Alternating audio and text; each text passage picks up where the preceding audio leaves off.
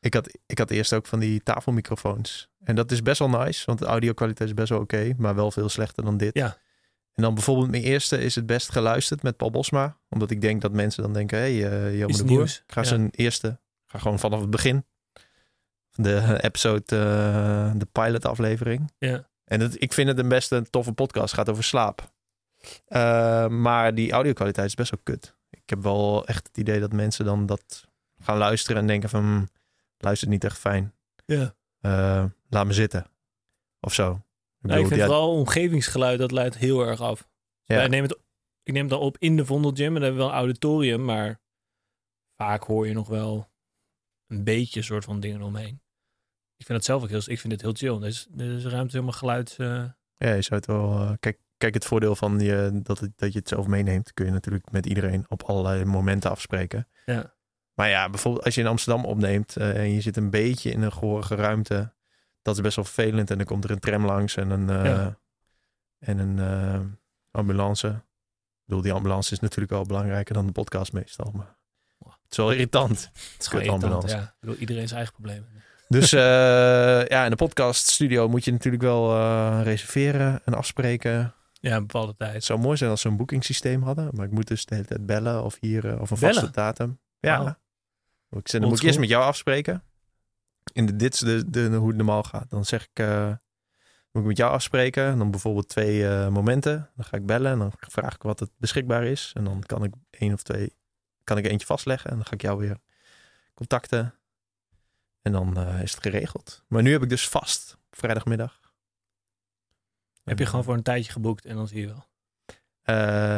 Of je ja. gewoon voor jezelf bedacht dat je op vrijdag... Want dat heb ik nu dus gedaan. Ja. Gewoon dinsdag, donderdagochtend. Ja. Ik ga niet meer... Ook ja, als mensen dan niet kunnen op dinsdag, donderdagochtend, dan later maar. Dat werkt echt veel beter. Hoe bedoel je? Dan later maar een keer. Dan met, Ja, met, met dan hun- duurt het met maar... hun. Ja, met, met hun niet. Met hun niet. Oh, Ja. zo op die manier. Ja, nou ja, ik, in het begin zeiden ze ook van ja, je moet gewoon even vaste tijd eh, inplannen. Dat is hartstikke makkelijk. Dat heeft iedereen hier. Toen dacht ik, ja, maar ik wil het helemaal zelf beslissen. Ja, maar het is wel gewoon chill als je gewoon lekker structuur hebt. Precies. Kun jij, eh, nu we het over structuur hebben. Ja. En jij eh, leest geen nieuws. Nee. Wat is jouw structuur? Oh. Wat heb je Eh, vandaag gedaan? Dit is wel gewoon Use en J. eh, je- Luister je podcast van Use en J? Shout-out Ja, naar ik- Use en J. Ja, gruwelijke podcast. Wat doe jij op een dag? Wat doe jij op een dag? Eh, eh, verschilt heel erg. Ik ben dus personal trainer. Ja. Eh, Heb dat je ook een shirt met erop personal trainer? Nee. Die dan, oh. mag niet in een volle gym. Nee? Hoe Nee. werkt dat? Waarom is dat? Eh, Eigenlijk zo. Omdat ze niet willen dat, eh, dat er ei- eilandjes ontstaan. Dus dat, dat- ja, als je een basic fit binnenloopt, dan heeft iedereen een shirtje met personal trainer. En ik denk ook met hoe hun personal trainingsbedrijf heet. Ja, ik had bij Health City had ik het ook. Maar eh, ja, we zijn allemaal freelancers. Dus eh, volgens mij is dat ook... Ja, dat moet je niet zeggen. Ik weet dat bij Evolve, waar ik daarvoor heb gewerkt, dat dat echt een ding is. Als je mensen een shirt geeft van hier, dit is Vondel Gym. Je bent nu Vondel Gym personal trainer. Ja. Dan kan je dan daarmee gedonder krijgen met de Belastingdienst. Oh, zo. Oké, maar dat is één reden. Maar de andere reden is dus eilandjes. Als ja, in, dus dat niet, zeg maar, mensen binnenkomen en dan... Ja, ik eh, zie mijn klant en de rest niet. En dan train ik mijn klant en dan doe je, ga ik weer weg. Dus ze proberen echt een team te creëren, maar dan wel met freelancers. En dat is een soort Maar werkt dat goed? Waar is dat op gebaseerd? Wie heeft dat, wie, hoe is dat bedacht? Ehm, Want je kunt het alsnog doen, toch? Je Wat? kunt toch alsnog afspreken met je, met je klant en dan... eh, Ja, alleen hun hebben dus ook iets ander systeem in dat vaak bij een gym het is dat je, je betaalt 600, 700 euro in de maand huur. ja, En dan huur jij tijd in de gym. ja, En bij volgende gym betaal je minder, echt significant minder. ja. En dan doe je in bartenuren iets terug. Dus dat Ja, betekent dat in praktijk eigenlijk elke Vondel Gym trainer ook lessen geeft. ja. En dat zorgt natuurlijk. Dus voor de Vondel Gym trainer goed. Want ja, je ziet dan meer leden. Ja. En daar kun je weer Ja, het is wel echt een goed uit. systeem, man. En, eh, en het is wel echt een team. Dat vind ik wel dat ze het echt goed hebben gedaan. Maar wat voor les geef jij dan?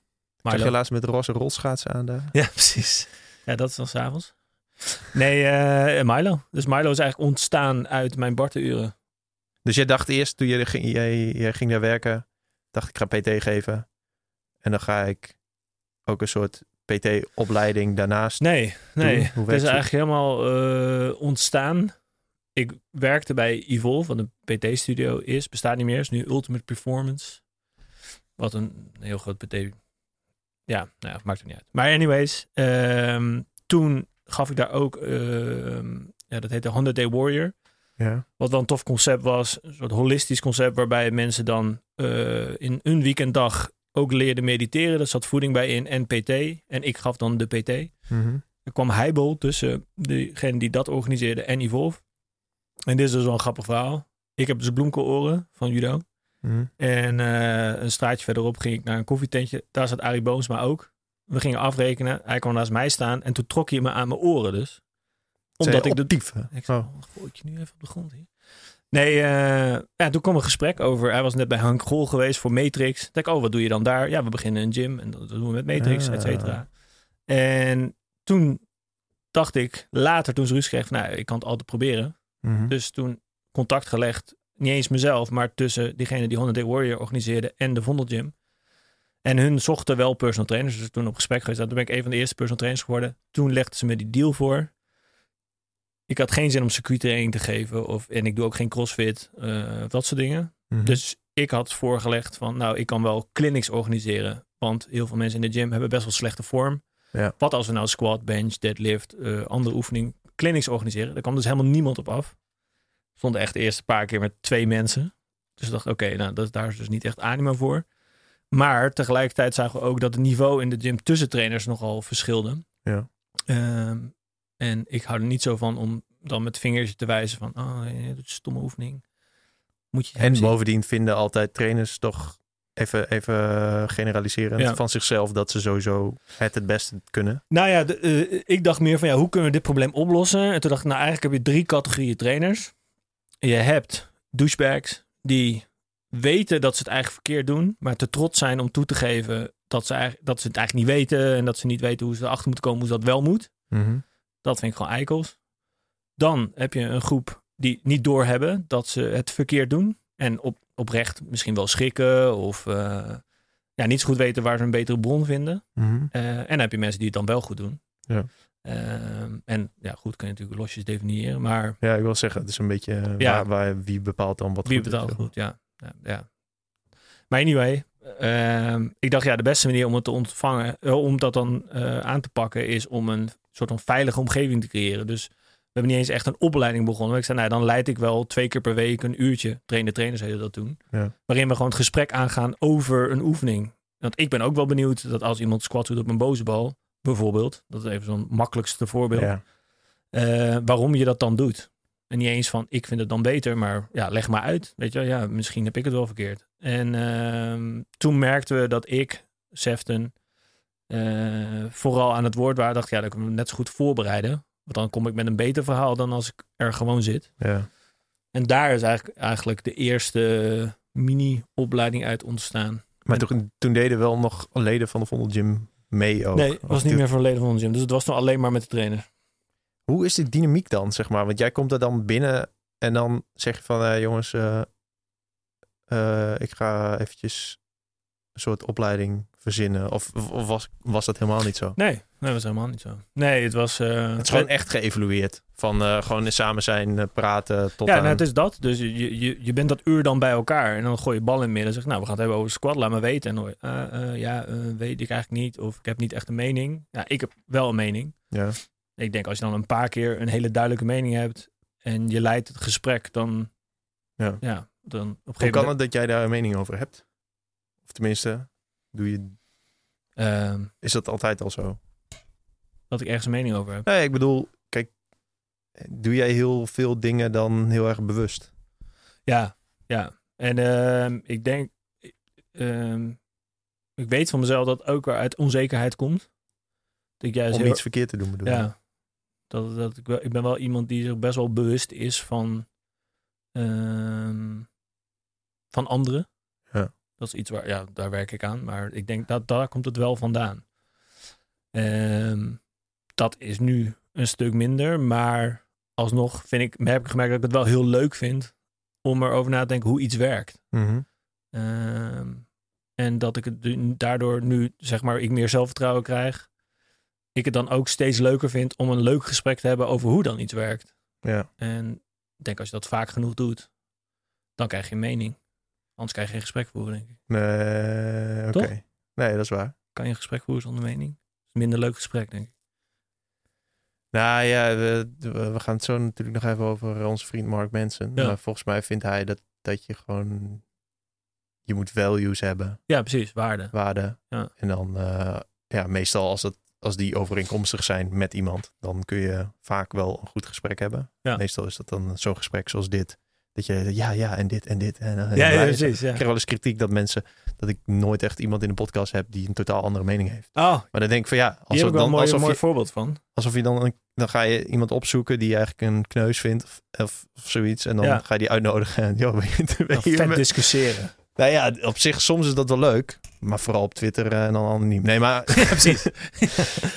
nee, maar ja, ik vind, 83. ik vind het veel toffer om over ideeën te praten. En als je dan dezelfde waarden hebt. Dus bijvoorbeeld, ik denk dat wij een gemeenschappelijke waarde hebben van ehm, bedachtzaam iets uitzoeken en je verstand gebruiken of zoiets, dat soort dingen. Ik heb, niet, ik heb dit niet voorbereid, maar ik, Nee, en ja, daar kunnen we het dan over hebben. Dat vind ik veel toffer. ja. Ik ben, ik ben eh, een... Ik ehm, wil een voorbeeld geven. Ja, voorbeeld ja. Eh, Mike Israel is een coach slash trainer, heel bekend. Ken je Juggernaut? Nee, maar Ja. die naam, die maakt Israël, eh hij maakt ex- Excel sheets. Oh, heb je daar die... Nee, maar, goed, Ja. goed zo. maar in ieder geval, die had een mooie presentatie over eh, discussiëren. Is dat veel mensen het zien... Hij tekent zeg maar een cirkel en in binnen een punt. En hij zegt wat veel mensen doen is zichzelf zien als die punt in die cirkel. Dus ik heb de waarheid in pacht. Ik sta in het midden van de cirkel. Mhm. Terwijl het eigenlijk zo is dat we staan allebei ergens in die cirkel. En in het midden zit ergens de waarheid. Mhm. En het is veel mooier als je het gesprek aangaat met het idee dat jij een andere kijk hebt op die punt.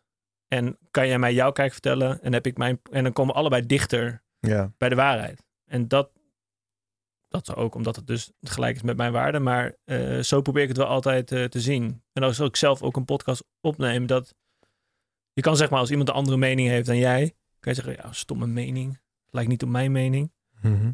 Maar je kan ook denken, oh interessant, hoe ben jij tot die mening gekomen? Want Ja. ik heb mijn mening en dan ben ik op een bepaalde manier toegekomen. Misschien als ik jouw mening bij mijn mening voer, heb ik een betere mening. Ja. Dus ik zie niet heel snel, behalve dus op het niveau van waarde. We hadden net over die, die hele Zwarte Piet discussie. Daar gaan Ja, hoeven we niet eh, verder over te hebben. Maar daar kan je wel een duidelijk mismatch met waarde hebben met iemand anders. Mhm. Maar alsnog kun je wel naar iemand luisteren, denk ik.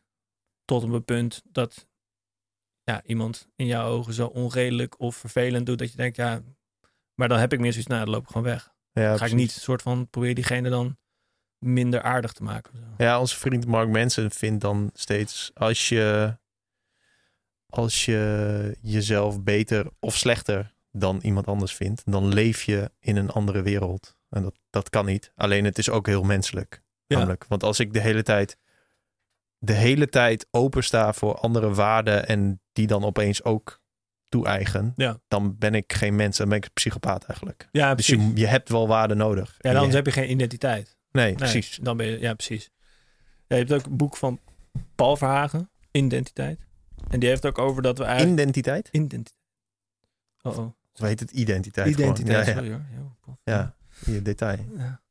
Eh, maar dat we eh, heel graag uniek willen zijn, maar we wel ook ergens bij horen. Ja. En dat zorgt eigenlijk voor dat we continu op zoek zijn. En dat maakt ons eh, mens. Ja. Dat vond ik wel, dat, ja, zo voel ik het ook wel. En ik denk dat juist die, die soort van die chaos omarmen, zorgt ervoor dat je dan ook met mensen kan leven die misschien andere waarden of meningen dan jij hebben. Ja, klopt. Alleen moet je, moet je dan... Ja, maar dat is zo lastig. Als je, we kunnen, ja, als je het voorbeeld van Zwarte Piet neemt, zeg maar. Ja. Eigenlijk zou je moeten accepteren dat mensen andere waarden hebben. Ja. Maar ja, soms vind je waarden van andere mensen gewoon kut. Ja, En die, ze mogen die niet hebben binnen, nee. zeg maar... Maar goed, de- dan kan je het ook zo stellen dat... Oké, iemand vindt dan Zwarte Piet iets heel belangrijks. Maar er zijn andere mensen die snijden andere mensen de keel door. Daar hebben we het nu dan niet over. Denk van ja, oké, ja. alles heeft ook wel weer een soort van... Ja, een niveau van belangrijkheid. Ja, hoe, hoe belangrijk is het nou uiteindelijk? Ik bedoel, ik vind het ook belangrijk. Maar ja, gaan niet, geen mensen dood of zo. eh, Ik vind het meer, wat we het eerder over hadden, we hadden het dus over. Ik vind het zo jammer dat eh, er zo weinig gesprek over is. het allemaal zo schreeuwen is. En dus dat er niet iets, iemand als Mark Rutte namens als voorbeeld, die dan de leiding neemt. En dat mensen denken van, oh ja, Mark Rutte is wel echt, echt een leider. Die, daar kunnen we wat mee. Die, Ja. die kan dat debat voeren, maar er is gewoon geen debat meer. Er wordt gewoon geschreeuwd en dan wordt er teruggeschreeuwd. Ja. Ehm want ik bedoel, je, je kan zeggen van mensen die voor Zwarte Piet zijn, ja, die doen nu heel stom. Maar andere mensen doen eigenlijk van, ja, die andere mensen zijn heel dom. Want ze vinden Zwarte Piet belangrijk. Ben je echt dom, zeg, als je dat doet. Ja, dan, Ja. dan schrijf je ook mensen af die anders zijn dan jij. Dus Ja, klopt. Maar dat is dus een dilemma. Kijk, ik vind ook, zeg maar, schaf Zwarte Piet af. Ja. En als je dat, eh, als je, als je het belangrijk vindt, dat ik precies wat jij zegt, dat, dat, die ben ik. Zo van, ja, dat is echt een domme opvatting. Ja. Maar ja, ik weet dat je, daar verandert ook niks mee. nee, Dus ja, dat is wel, dat is wel lastig. Maar goed, helemaal terug Ja. naar, mijn dag. naar wat je dacht. Ja, eh, nou, wat ik vandaag heb gedaan, ik ben vanochtend wakker. Ik ook. Toen ben ik naar de Coffee Company gegaan. Vind ik heel fijn om te werken. Ik weet niet waarom. Ik heb thuis echt een gruwelijk bureau gekocht met een boekenkast erachter. En het is stil en rustig. Maar ik ga al sinds ik... Zelfs in Groningen had ik altijd zo'n vaste koffiecompany waar ik altijd heen ging. Ik weet niet, als ik daar ga zitten en ik bestel een medium cortado. Altijd. dan, eh, weet niet, dan kan ik heel goed werken. Oh.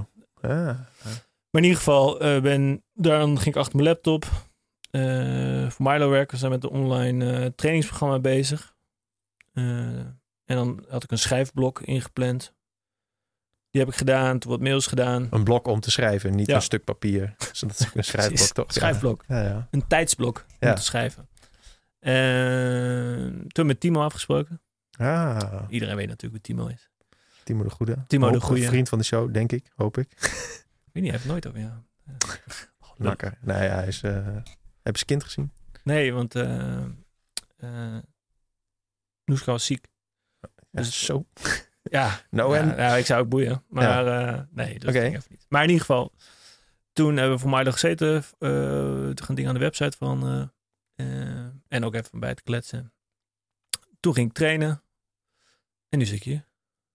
Rustig dagje, lijkt zo. Je bent echt zo'n classic millennial. Koffietentje werken, Ja, een man. beetje, Ja, een beetje overdag eh, kunnen trainen. Het is nog niet eens... Oh, het is vijf over vijf nu. ja. ja, eigenlijk is mijn dag altijd wel in twee blokken. Eh, twee van de drie weekenden heb ik Milo. Dit weekend dus niet. Als ik Milo heb. Dan is- Milo hebben betekent voor de luisteraars gewoon je training geven. Ja. Toch? Ja, Nee, nee, nee. Milo is eh, opleiding voor personal trainers. ja dat bedoel ik zo. Ja, Ja. Dus dat is de, de, De opleiding. opleiding leiden. leiden, geven.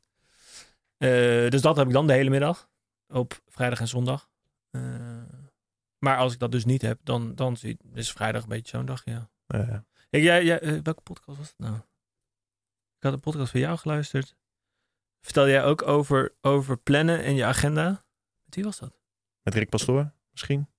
nou, Over je had het wel over grip, ja. Daar had je het over. Maar het was niet met Rick Pastoor. Oh, oké. Maar in ieder geval dat eh, je een aantal vaste afspraken inplant. En dan daaromheen heb je taken. En ehm, die vul je dan vrij in. Naar, maar, daar- nou, dat doe ik precies hetzelfde. Wij werken dan met sprints. Dus Ja. Scrum is een werkwijze. ICT wordt vaak gebruikt. Ja. Eh, daarvoor heb je een programma dat heet Trello. En wat je eigenlijk met sprints doet, is dan elke twee weken een sprintmeeting. Dus dan zit ik met Timo en zeggen wat gaan we de komende twee weken doen. Dan Ja. krijg je een takenlijst. Dus heb je to do, doing en done. Ja. En dan in to do staat dan alles taak voor de sprint. Als je dan iets op een dag gaat doen, dan staat het in doing. Als klaar is in done. Voor elke taak eh, bedenk je dan Punten. precies Ja. wie de taak gaat doen. En wat het betekent als het, wat definition of done. Wat, Ah, ja, betekent als het klaar is.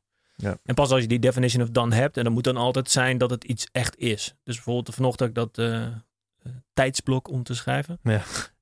Dat heb ik wel gedefinieerd wat ik in dat tijdsblok wil gaan doen. Oh, dus je hebt wel een soort van vereiste wat het resultaat moet zijn van een creatief uur. Ja, Of twee uur. Ja. veel hoe lang je blok is. Nou ja, vereisten in die zin dat ik weet waaraan ik ga schrijven en dat ik inschat hoeveel uur ik dan ongeveer aan kwijt ben. Ja, want het schrijven is voor je opleiding, bedoel je? Dit is voor de online programma. Ja, dus dan moet je wel gewoon... Het is niet... Het is niet eh, ik vind dat het onderscheid tussen creëren en produceren eh, wel handig. Zeg maar, creëren is iets bedenken en dat Ja. een soort van idee op papier zetten. En produceren is eigenlijk iets wat je al Oh, inhoudelijk hebt bedacht. Zorgen dat het op Ja. papier staat. Produceren dit, ja. Dus iets, iets maken. Zorgen. Ja. Ja, en ehm, dat werkt dan heel fijn, omdat ik heb ook personal training sessies. En ik heb online coaching klanten. Die doe ik altijd op maandag.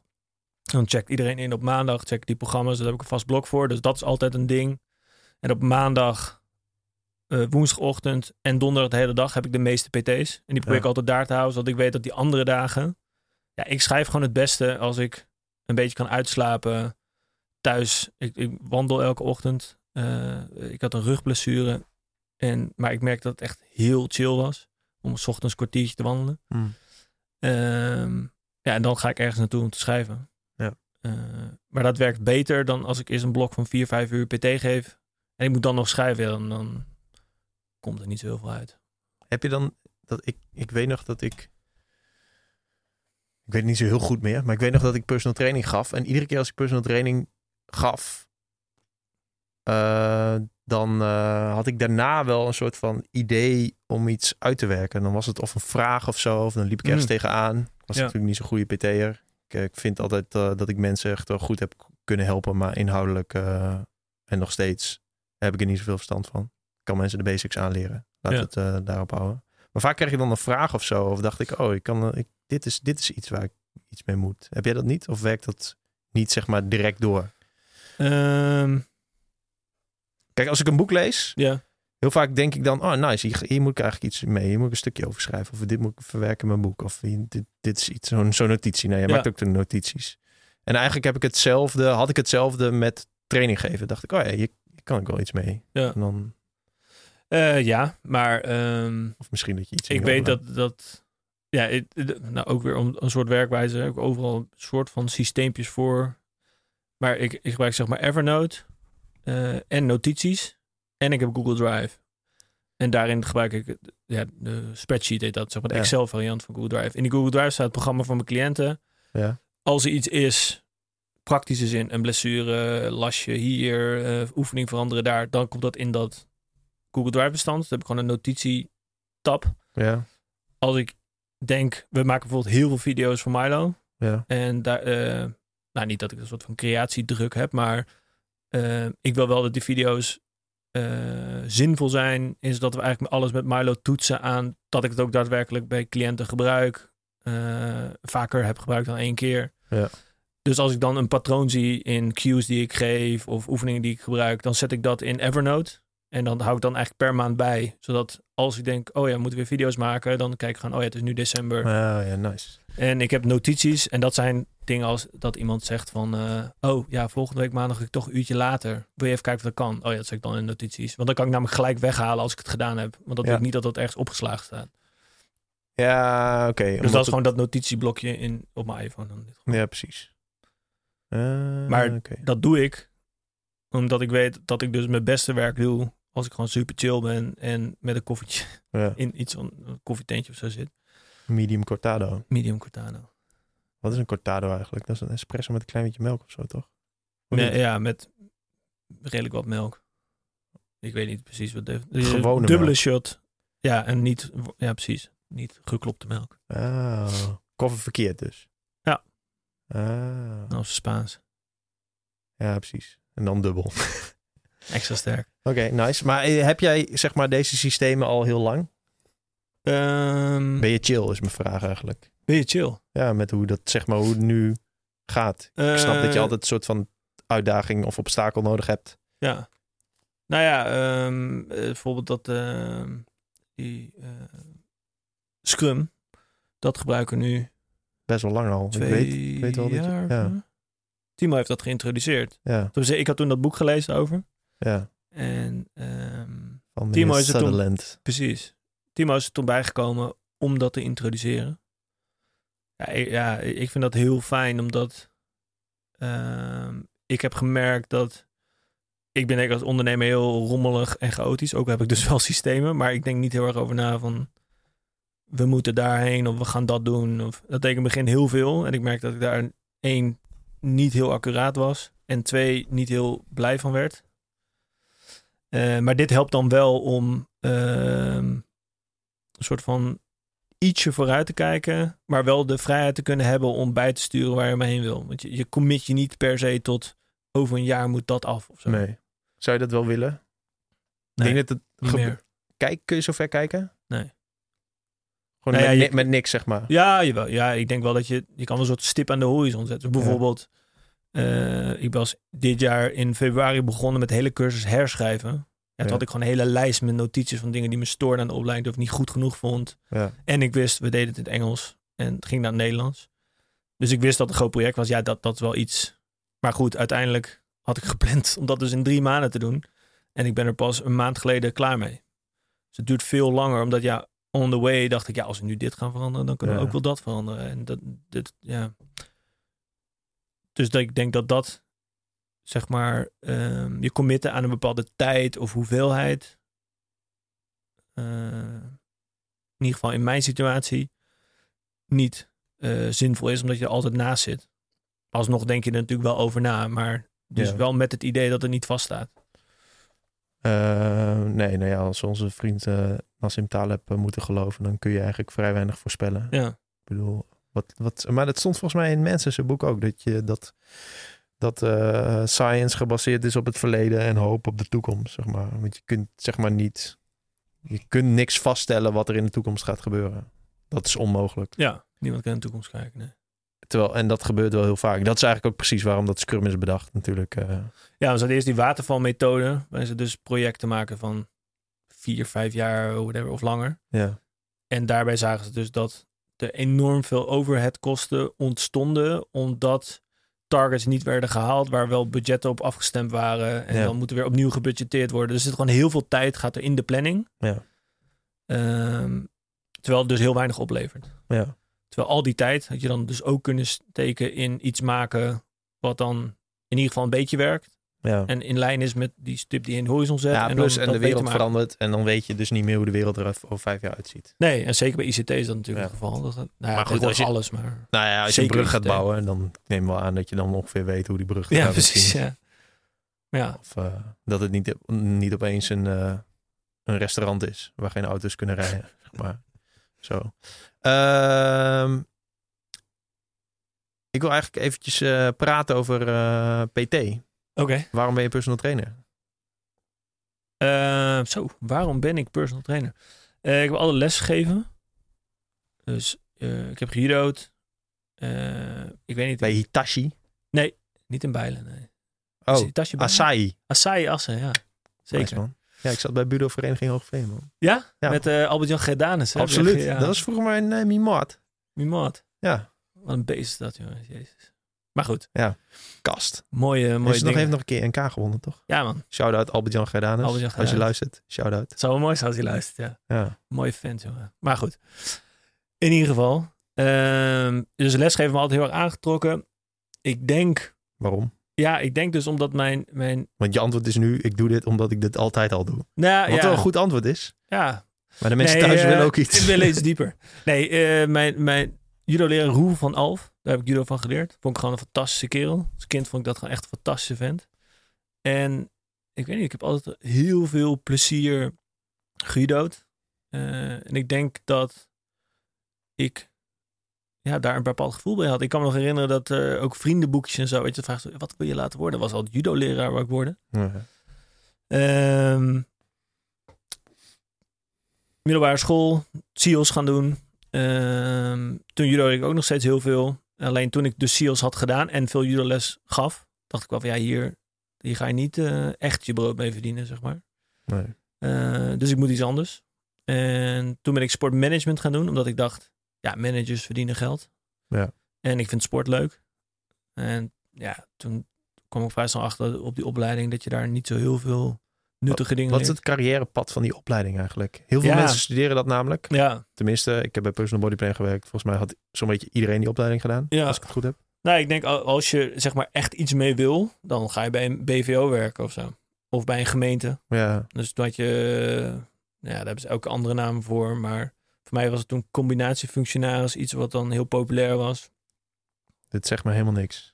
Ja, ook niet belangrijk. Maar in ieder geval, het is een, een titel waarbij je iets met sport doet bij de gemeente. En dat verandert elke paar jaar aan de hand Oh, van ja. een potje.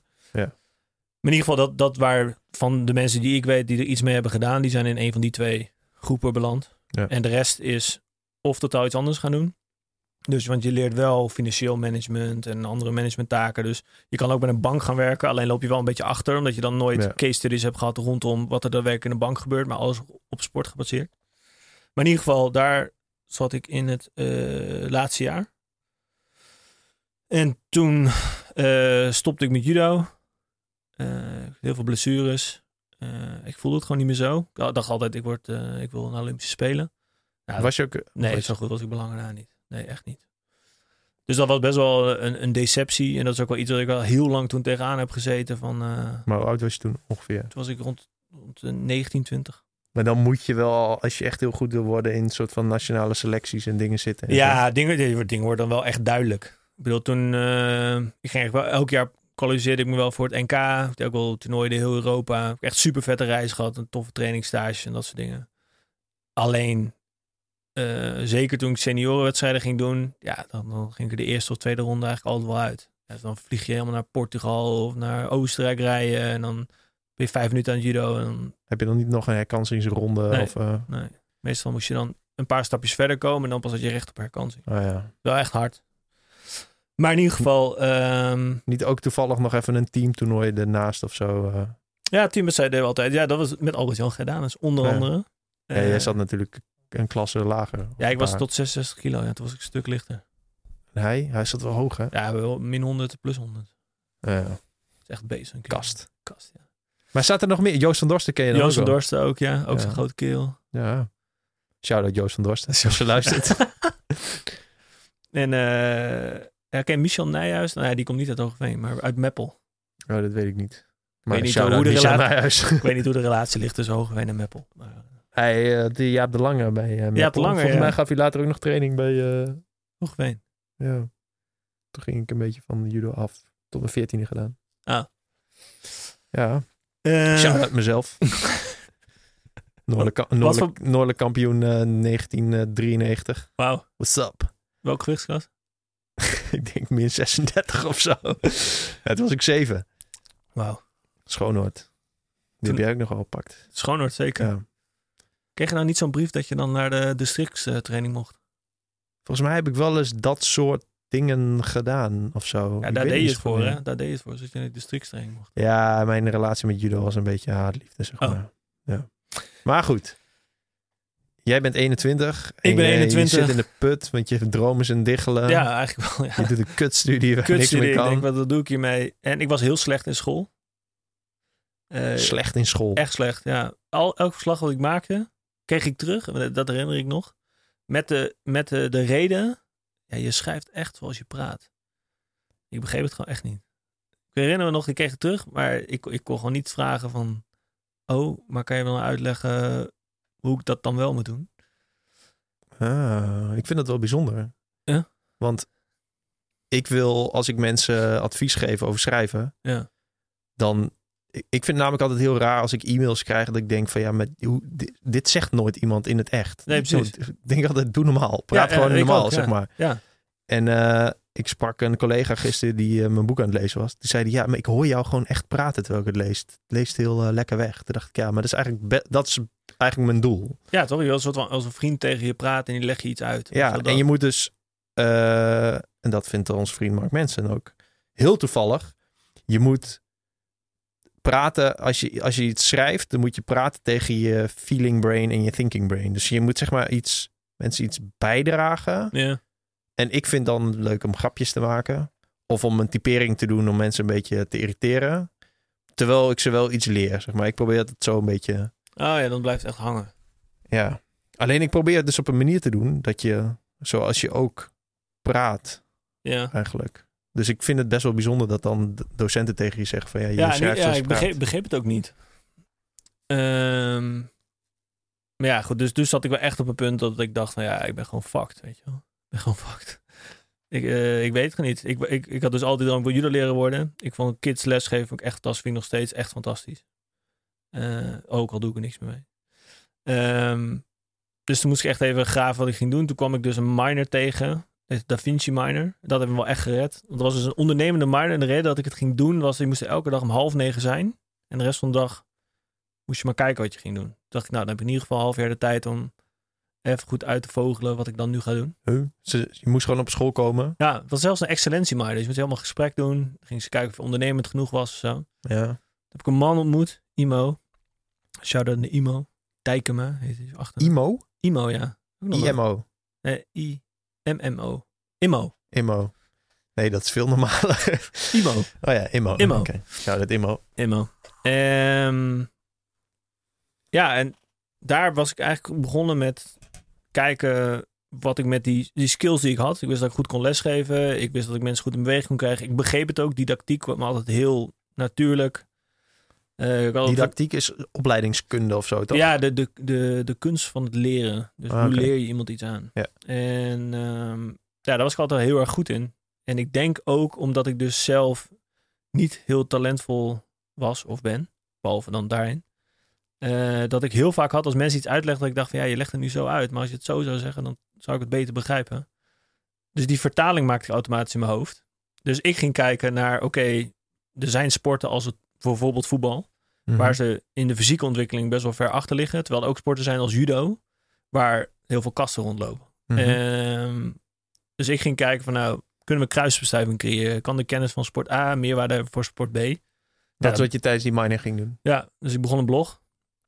Omdat ik dus ook beter wil leren, leren schrijven. Mhm. En eh, ik dacht, ja, ik heb een OV en ik heb nu heel veel tijd. Dus ik ga gewoon overal heen en met iedereen praten die met me wil praten. Toen ben ik vrij snel bij FC Groningen terechtgekomen. Via ben ik bij Ajax terechtgekomen. Eh Heerenveen ben ik geweest. Toen bleek dus dat binnen het voetbal was toen dat LTAD-model. Of Athletic Skills model. Ze hadden echt een probleem, want heel veel talentvolle sporters, voetballers, die raakten geblesseerd omdat ze te snel gespecialiseerd waren. Dus het waren, waren een soort van de Arjen Robbins. Altijd Ah, geblesseerd, maar wel super talentvol. Dus ze waren net een soort switch aan het doen. En omdat ik dus en SEALS had gedaan en judode, kon ik ze weerbaarder maken. En daar ben ik eigenlijk training in gegeven. Dus dat was een soort van mijn eerste gig als trainer. Strength and conditioning trainer kreeg ik toen de titel. Terwijl ik helemaal niet zoveel wist van krachttraining. Maar ik had ook gehad. Het, ik heb eh, voor mezelf een lordoos en kivo's. Een hele on- holle onderrug. Een hele bolle bovenrug. Dat- Daardoor moest ik op een gegeven moment ook echt stoppen met judo. Want ik, ik, op een gegeven moment zoveel pijn dat ik niet meer kon ademen na het trainen. Zo vast zat mijn rug. Oh ja. Kut. Maar ik ging van fysio naar fysio en niemand had echt het antwoord. Ik werd behandeld, twee dagen later weer last. En toen dacht ik, nou ga ik het zelf maar uitzoeken. En zo ben ik eigenlijk begonnen met krachttraining. Om daarover te lezen en daar een soort van mijn hel te zoeken. En ja, dat viel opeens dan allemaal bij elkaar. Omdat ik dus wel had geleerd over krachttraining. Dus ik wist hoe je zo'n training in elkaar moest zetten. Ik wist ook wat werkte, want ik had wel op mezelf getest. Ik, me, ja, mijn liefde voor lesgeven kwam zeg maar terug. Ehm, ja, dat, dat ging echt gelijk super goed. Dus ehm, ja, ik werd gevraagd bij FC Groningen om daar aan de slag te gaan. Toen werd ik bij Heerenveen ook gevraagd om aan de slag te gaan. Toen werd ik gevraagd voor CTO's. Dus eh, ja, dat zijn een soort van ehm, centra voor topsport. Waar dan jonge topsporters eh, met hun sport aan de slag kunnen. Dus hoeven ze bijvoorbeeld geen gymnastiek te doen. Maar dan kunnen ze 's ochtends wel een krachttraining doen. Ja. Heb ik toen hockey, korfbal, basketbal gedaan. Eh, dus toen was ik heel veel aan het lesgeven. En opeens dacht ik, ja, dit, dit voelt goed. Toen kwam ik weer tegen hetzelfde probleem aan. Ik wist het nog, ik eh, werkte met Jan aan Vredeveld. Krachttrainer van FC Groningen. En hij... Shout-out. Shout-out, jezus, maar zoveel shout-out. Ja. Maar eh, die ging echt in zijn eh, oude autootje, weet ik nog, echt van plek naar plek naar plek naar plek. En elk jaar weer dezelfde stress van, ja, gaan ze me eruit gooien of niet? Toen dacht ik, ja, dit- dit- dat wil ik ook niet. Het voelt ook niet echt als, als wat ik wil. Toen kon ik bij Ajax solliciteren en bij Evolve dus. Ik had, Mhm. ik had nog nooit echt van personal training gehoord. Ik deed zelf inmiddels wel. Wel... Welke, tij- welk jaar hebben we het nu over? Eh, toen was ik 23, 24. Zoiets. Ja. Oké. Ehm, dus eh, ik naar die beide sollicitaties. En toen kwam ik bij Evolve binnen. Ja, het zag er zo vet uit. Het was in de Keizersgracht. In zo'n grachtenpand aan de onderkant, onderkant van Souterrain. Nou, dat was echt, echt de ziekste gym waar ik ooit in ben geweest. Alles was nieuw en overal zat die Evolve logo zaten Zit dat vlak bij de Westerkerk? Is dat daar? Ja.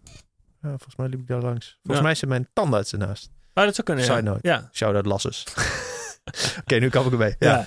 En ehm, ja, dat, dat leidde tot echt een super mooi gesprek. Ik heb daar toen anderhalf uur gezeten. En toen dacht ik, wauw, deze, er zijn heel veel vragen die ik nu heb.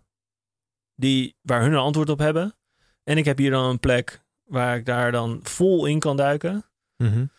En Ajax werd hem ook niet. ik werd gewoon niet aangenomen. Ja. En eh, toen dacht ik, ja, fuck it, ik ga gewoon Amsterdam verhuizen. Dat heb ik gewoon binnen twee weken beslist. En eh al mijn spullen gepakt en naar Amsterdam verhuisd. Dit was na je minor, die had je, je had je diploma nee, gehad. gekapt met school. Oh, Ja, Oké. ja ik, eh, school, die mine had ik, eh, dat was ook, jongen, dat zo bizar aan school. Even een kleine haat. Ik liep dus zwaar achter met die verslagen, want die kreeg ik de hele tijd terug. ja. Ik moet ook zeggen dat dat aan de andere kant ging allemaal zo goed. En dat zat ik middenin. Dat ik dat ook veel toffer vond. Dus dat was ook mijn eigen ding. Ik, ik eh, over Mark Mensen gesproken. Ik koos ervoor om die pijn te negeren. Wat nooit een goede oplossing is. Mhm. Maar in ieder geval, dat deed ik wel toen. En ehm, ja, ik vluchtte eigenlijk dus in die onderneming. Maar tegelijkertijd werd ik dus als een excellente student gepresenteerd. Van ondernemend gedrag. soort van de student van de toekomst. Dus ik ging ook presentaties geven voor eerstejaars. En workshops over ondernemend gedrag. En werd als een soort voorbeeld gesteld. Terwijl tegelijkertijd ik ook wist dat ik mijn school waarschijnlijk niet ging halen als ik niet ging veranderen. Dat is weird. Terwijl ze aan de ene kant zeiden van we willen niet dat je verandert, want we willen allemaal studenten zoals jij. Maar tegelijkertijd ging ik het niet halen omdat ik me niet aan het curriculum hield. Ja, inderdaad. Je competenties, zeg maar, die, Ja. je van- die in je pop staan, Precies, allemaal gewoon. die eh, Ja, waren niet voldoende. nee, Dat is echt weird, ja. ja. Maar goed, dus eh, ja, enorme studieschuld. Echt een hele studieschuld. En ehm, bij Evolve, ik woonde toen in Leiden. ik had zo'n Waar, waar, hoe, eh, mis nu iets. Waarom, Oh. waarom woon je in Leiden? Ja, omdat ik dus in Amsterdam geen huis kon vinden. Ah, oké, zo op die manier. Je ging in Leiden wonen. Ging in Leiden wonen. Ja, oké. had zo'n eh Fiat Chichenko. Echt zo'n bal. En eh, elke dag heen en weer. Het was echt gewoon 40 uur per week. En eh, ging dan beginnen met PT's geven. En ja, hun eigenlijk gewoon zoveel mogelijk uithoren over... Ja, hoe werkt dat dan allemaal met het trainen? En toen dacht ik, ja, ik vind dat PT eigenlijk wel heel erg vet. Want ik hou ervan om heel erg over dingen na te denken. Ja. Zelf zit ik nu helemaal midden in het proces van krachttraining. Was ook net begonnen met powerliften. Ik heb jou nog een keer gezien bij een wedstrijd. Ah, ja. ha. Rotterdam. in Rotterdam. Geen shout-out nu. en ehm, ja, ik- het voelde als een plek met heel veel uitdaging. En voor mij dus ook wel een beetje de nieuwe start die ik nodig had. Dus ja, ik ben er eigenlijk eh, ingerold, om het zo maar te zeggen. Maar eigenlijk, wel mooi dat ik nu net accepteerde ik je antwoord van... eh, je doet het omdat je het altijd al doet, niet. Ja. Maar nu vertel je het gewoon in veel meer woorden. En nu accepteer ik het wel. Ja. Nou ja, eh, mij wordt het best wel vaak gevraagd. Ehm, en ehm, ik heb het idee dat mensen altijd verwachten dat je het dan heel erg bedacht hebt. Van, oh ja, maar dan PT, kan je dit en dit mee. En dat, eh, ik ga ook niet zeggen dat, dat ik er niet over nadenk. Nee, maar meestal is het zo'n antwoord van... ik wil graag mensen helpen of motiveren Ja, of inspireren. Terwijl jij gewoon zegt van ja... Kijk, jij wil dat omdat je dat tof vindt. Snap je? Ja. Dat je dit, is heel, dit is heel erg zwart-wit en dit, dit klopt eigenlijk niet. Maar je, het resultaat boeit je dan niet zoveel. Het gaat jou Ja. om het, de interactie en het lesgeven. Zeg maar, omdat je dat proces tof vindt. Ja, En natuurlijk moet het resultaat wel goed zijn. nou ja, ik, ik denk... ehm, Als ik, als ik Mensen nu- willen denken dat op die manier dan dus zijn ze bang om egoïstisch over te komen of zo. Maar ik zal heel eerlijk zijn dat ik gaf, wel om het voorbeeld van Milo te geven. Ik gaf toen inmiddels vier jaar PT. Ja, vier PT. En ik zag Milo ook als een mooie manier om mezelf te blijven uitdagen. eh om datzelfde nieuwsgierigheid en, en nou, die, die, die, die vragen die ik heb. Eh, en een nieuwe uitdaging met echt een onderneming beginnen, wat niet als freelancer is, maar echt een bedrijf. Mhm.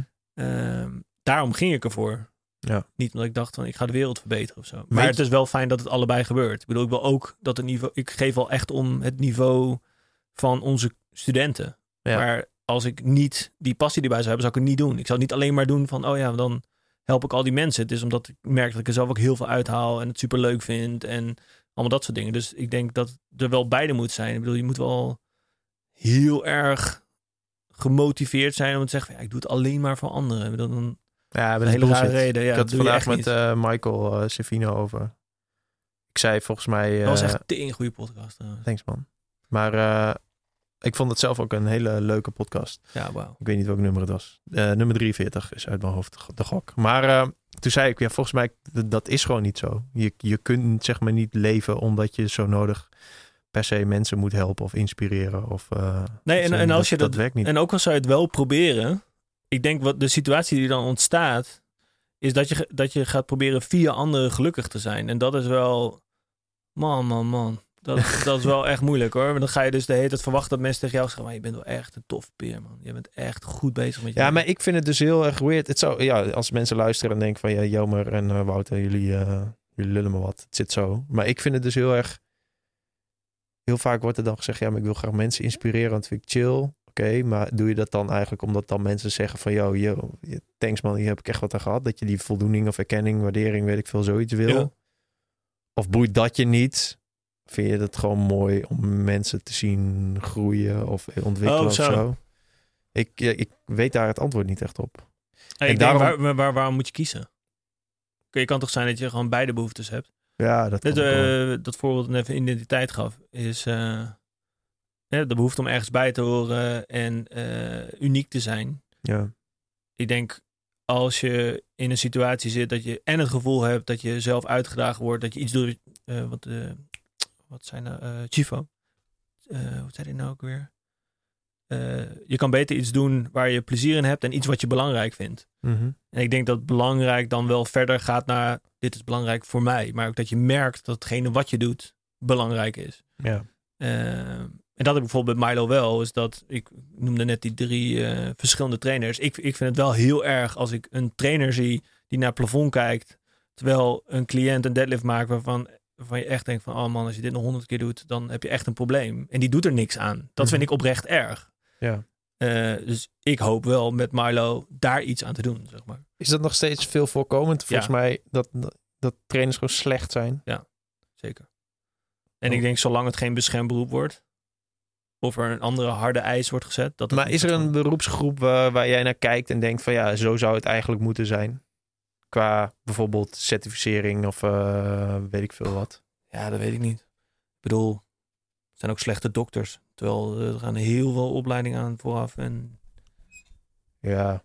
Maar ik bedoel, ik denk wel dat het percentage slechte dokters een stuk lager ligt dan slechte personal trainers. Uh, dat lijkt mij ook, ja. Dus dat hoop ik. Ja. maar nee, maar dat weet ik 100% zeker. Dus, dus educatie en uh, maatstaven hebben wel zin. Ja. Wanneer, maar is dat ook een van je doelen dan met je onderneming? Oh nee, wacht, ik wil eerst een andere vraag stellen. Oké. Wanneer, kijk... Hoe ziet je middag eruit? hoe ziet jouw, uh, nee, hoe ziet jouw middag? Nee, maar um, je zei dat het gewoon, dat, dat bedrijf, of die opleiding ontstond een beetje natuurlijk. Ja. Maar is er wel een moment geweest waarop je een beslissing nam van, oké, laat ik hier dat bedrijf van maken, wat je, waar je het net over had. Ja. Oké, hier gaan we een entiteit, entiteit. van maken. Um, Dit moet iets zijn. Ik denk, uh, ik zal het anders uitleggen. Het is een methode, dat heet effectuation. Het is wel een toffe methode. Het is onderzocht door uh, Sharas, Sarasvati uh, van Harvard. Wat zij oh, Ik wil nu de hele shout-out zeggen, maar oké. dan gaan ja, Nee, ik ken haar ook niet, dus je kan shout-out wat je wil, maar ze luistert toch niet, want ze kan geen Nederlands. Um, her loss. Her loss. In ieder geval, zij heeft onderzocht naar of er patronen te ontdekken zijn uh, met succes, succesvolle ondernemers. En daar heeft ze dus een aantal guidelines voor gegeven. En dat is de effectuation methode.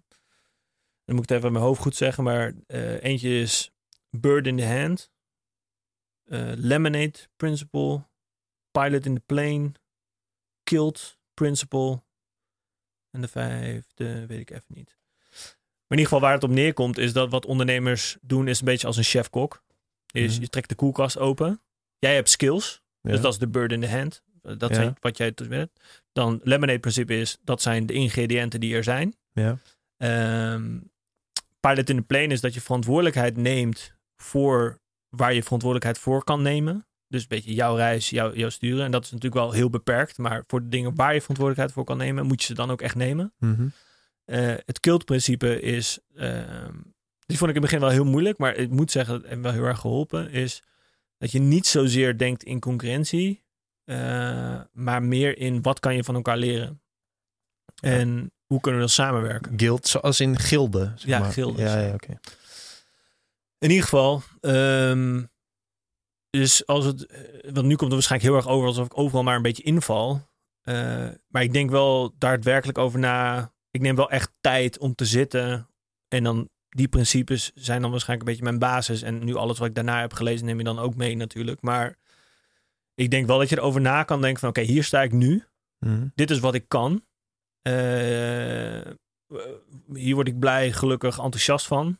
Eh, kan ik hier, als, als het over geld verdienen gaat, kan ik hier mijn geld mee verdienen, ja of nee? Mhm. Als dat zo is, kan ik er dan meer tijd aan besteden? Dat soort vragen, dat zijn wel, denk ik wel hele reële, belangrijke vragen om op te stellen. Maar ik denk nooit bij mezelf van, oh ja, ik wil een villa. Eh, dat kost zoveel. Dan moet ik zo lang werken. Eh, dus dan koop ik een villa, zeg maar dat. Ik wil nog wel een keer Mark Manson quoten. Dat, dat je, als je denkt na over dat je een, eh, een, een vloot van boten wil hebben, Ja. dat is niet de bedoeling. De bedoeling is dat je daar niet over nadenkt. Oh dat, ja. staat er, dat staat in zijn eh, Wat bedoelt hij daarmee? alles is fucked. Nou ja, dat als dat je doel is, Ja. ja dan ben je dan, dan Heel leeg doel. Ja, dat is, Ja. Niet, dat is niet een goed doel. Nee, precies. Maar in ieder geval, ehm, dus En wij hebben makkelijk praten, want wij hebben dat niet. Wat? Een vloot met boten. nee. Nou, dan dat is heel vaak dan het tegenargument, toch? Als we oh, dit zo. soort dingen zeggen. Ja. ja. Kijk, kan. Nou ja, bijvoorbeeld, dat, om dat we ook weer te zeggen, over dat schrijven dus bijvoorbeeld. Ik, ik, ik, eh, ik was ook iemand die echt op Nederlands, bedoel, je hebt nu al een paar keer nu gecorrigeerd. ik ben niet iemand die van zichzelf heel goed is in Nederlands. Schrijven ook niet. Dat is gewoon ook een probleem mee. Maar ik heb nu bijvoorbeeld wel een opleiding geschreven waar mensen heel enthousiast en heel blij over zijn. Nou hoor ik heel vaak, oh jij bent echt goed in schrijven. Dan dacht ik, ja, weet je wel, hoeveel uren aan tijd en ellende daarachter zitten voordat je op dat punt bent Mhm. dat is wel iets waar je dan steeds bewust voor kiest. Ik bedoel, Ja. ik had toen op school het gehoord, ik kan niet schrijven. Ik besluit dan wel, oké, dan ga ik een blog schrijven, want blijkbaar ben ik hier heel slecht in. Dan probeer ik er dan maar beter in te worden, want het is wel belangrijk. Ja. Dus dan maak je wel de keuze van, oké, ik vind dit belangrijk. Eh, dus dat is een beetje een soort van eh, die stip aan de horizon. Ja. Je hebt daar bepaalde ideeën bij dat het belangrijk is. Ik kan het nu niet. En, maar ik kan wel iets doen om het te veranderen. Dus dan heb je eigenlijk al die principes weer bij elkaar. En dat is even één voorbeeld. Maar zo is het met Milo ook wel gegaan. Ik dacht, ja, ik vind PT geven heel erg leuk. Ik wil niet meer 30, 35 uur per week PT geven. Eh, dat vond ik gewoon te veel interactie in een week. Gewoon te heftig. Mhm. Ik vind het onderwerp nog wel heel erg leuk. Trainen trainerslicht ja, is daar. En loopt goed. Mensen zijn enthousiast. Eh, je hebt daar een soort van leiding. Kunnen we hier meer mee doen? En dan ga je over nadenken van hoe kan je het dan beter maken? En dan focus ik me vooral op het beter maken, er beter in worden. En ja, dan groeit het, zeg maar. Maar ik heb niet bedacht van, oh, nu gaan we adverteren en dan komen er allemaal mensen binnen. Want er waren al mensen die vroegen, buiten de Fond Gym, kunnen we eens een keer meedoen met die lessen? En toen bedacht ik me van, oh, maar als dat zo is, Ja, dan we er wel een bedrijf van maken. ja oké. Ja, die volgorde is wel nice. Ja, Dan, dan gaat het ook wel nog steeds een beetje... ja dus ik, wat, wat ik daarmee probeer te zeggen is dat dat gaat heel chaotisch. Het is niet, ik geloof er niet in dat je dat Nou, soort van uit kan stippelen. Dan is het toch meer... Ja, chaotisch weet ik niet. Want dat is van de ene naar de andere kant. Dus dan, dan als het chaotisch zou zijn, dan zou je inderdaad Ja. op die roze rolschaatsen de ene Het gaat niet avond doen. lineair, dat is geval. Ja, het is gewoon iteratief. Maar ja, dat is ook precies Hoe de noem je dat? iteratief. Dus dat je steeds een nieuwe iteratie bouwt. Ik weet dat- niet wat iteratie betekent. Een eh, verbeterde variant. Zeg ik Oh, dat goed? oké. Ik weet niet eens of iteratief een woord is. Ik vind het wel een mooi woord. Ik heb het nog nooit gehoord. Maar eh, ja, Nou ja, ik geloof je het zo wel. Iteratief. Eh, ja, ik denk dat dat het vooral is. Ja, ik vind, het, ik vind het wel nice. Omdat het zeg maar, het klinkt, het klinkt alsof je n- niet echt zo'n classic ondernemer bent die dan 80 uur werkt en dan eh, met eh, plannen en eh, gewoon een beetje eh, lomp focus en Oh, dingen, zich verliest in het ondernemen en daardoor andere. Je, bent, je klinkt heel erg gebalanceerd omdat je shit doet die dichtbij ligt. Waardoor het dus misschien makkelijk lijkt of zo. Ja. Dat ik wel tof. Nou ja, ik werk wel heel veel hoor. Maar ik denk wel... Maar ja, ja, ja, maar als jij, de, als jij er zoveel verstand van hebt, van fitness, Ja. weet, dan slaap je waarschijnlijk ook wel veel. Ja, precies. Nee, de, ja. Maar dat is niet altijd dus zo geweest hoor. Het was eh, zeker de periode dat ik dus naar Amsterdam kwam. Ik in dat jaar, in die zeg maar eerste anderhalf jaar, ben ik zeven keer verhuisd. En ik had dus geen geld en wel een studieschuld. Mhm. En eigenlijk PT geven, ja, ik was met dat idee en een supergoed voorgevoel deze kant op gekomen. Eh, maar daardoor zat ik wel in de situatie dat ik dacht van ja, dit moet het dan ook wel echt worden. Dus dan ga ik er wel- al mijn wel- tijd en energie in zetten. Dus dat was wel Ja, echt een soort van overlevings... Maar het is wel tijd. fucked up, fucked up mindset, zeg maar. De alles of niet mindset. Want dan is je focus is dan ook niet echt lekker, toch? Nee, dus dat was toen... eh, ja man, dat is... Zeker, even kijken, wat heb ik toen... Kijk, hier. Hoezo ben je eigenlijk zeven keer verhuisd? Ja, fuck me, elke keer genakt man. Ik bedoel, eerst van Leiden naar Amsterdam, dat was chill. Ja, Toen zat ik in een huis. Eh, nou goed, in ieder geval, ik ga het boeit die podcast dus dat. Er mensen die het luisteren. Maar in ieder geval, onderhuur, eh, dat soort shit allemaal. Verbouwing wordt je in één keer uitgezet. Blijkt geen contract te zijn, allemaal dat soort gauwen. Dus als Ah. één keer nog opgelicht. Zou ik naar een appartement gaan. Bleek die gasoplichter te zijn. Ja, gewoon fuck. Gewoon echt fucked. ja ik ben Alles wel benieuwd naar. Ik bedoel, de, de, de luisteraars luisteren al mee, man. Oh. Hoezo blijkt die vent oplicht te zijn? Had een jasje aan met erop. Nee man, oh man, dit is een verhaal. Echt. Wat het dus was, die gast die dus die One Day Warrior organiseerde, die zei, ah ja, ik ken een gozer en eh, die had me een appartement aangeboden, maar ik weet dat jij nog iets zoekt en ik heb al iets anders, dus ik stel me aan je voor. Oké, cool. Dus ik moest sowieso uit dat andere appartement, want die werd verbouwd. En ehm, ja, die gast die zou gewoon de prijs flink omhoog gooien. En hij zei, ja, ik maak het mooier en beter. Dus ik zei, ja, ik heb dat geld niet. Dus oké, dan moet ik iets anders vinden. Maar dat, ja, voor mensen die niet in Amsterdam wonen, begrijpen ze misschien niet hoe lastig het is om een huis in Amsterdam te vinden. Maar ik wou niet weer naar Leiden, want dat was helemaal fucked. Dus ik ga bij die gast langs. En hij had echt een heel verhaal voorbereid ook. Het was eh, nou, best wel aardige keel. Superleuk appartementje, klein. eh, dicht bij de Overtoom. Zou ik 800 euro betalen. Dus ik dacht, nou, top. Weet je wel, die kan ik betalen. Heb ik eindelijk ruimte voor mezelf. Geen huisgenoten meer. Dat vond ik sowieso, hou ik niet zo van. En ehm, ik dus met die gast lullen. Ik denk, nou weet je, ik ga het wel echt goed doen. Dus ik, ik ga wel zorgen dat ik weet wie deze gast is. Dus hij opent zijn computer. Hij zei, ja, moet je nog een jointje? Ik zei, ja, is goed. Ja, smoken we even. Ik met die gast blowen daar. Had hij dus zijn computer open, had hij helemaal tekeningen van een, een huis en een soort viaduct. Dus hij laat me dat zien. Hij zei, ja, maar ik ga voor een paar maanden naar Oostenrijk en eh, dan ga ik dit maken. En daarom be- ben ik er niet. Ik denk, ja, legit verhaal. Weet je wel, super aardig gast. Zit hij te blowen en te lachen. Hij laat me die Oh, maar tekeningen dat was, zien. dat was die gast die het onder wilde vuren. Ja, Oh, oké, ja, ja. dus ehm, eh, volgens mij zat er een maand tussen. Eh, dan zou ik erin. Een week voordat ik erin zou gaan, zit een bericht. Ja, eh, kan je misschien een voorschot geven van de eerste maand? Want ik ga je de keuken nog even voor je verbouwen. En dat wordt helemaal chill. En die keuken was ook echt crack gewoon. Maar ik dacht, ja, prima. Dan maak ik het wel helemaal schoon. Dan fix ik het zelf wel. Ik wil gewoon wonen. ja. Hij stuurt me zelfs nog een foto. Ik heb die foto nog en die heb ik later nog gebruikt om, eh, om ja, zeg maar achter te komen of die gas oplicht was, ja of nee. Echt eh, zo'n selfie met, met zo'n hamer en in die keuken.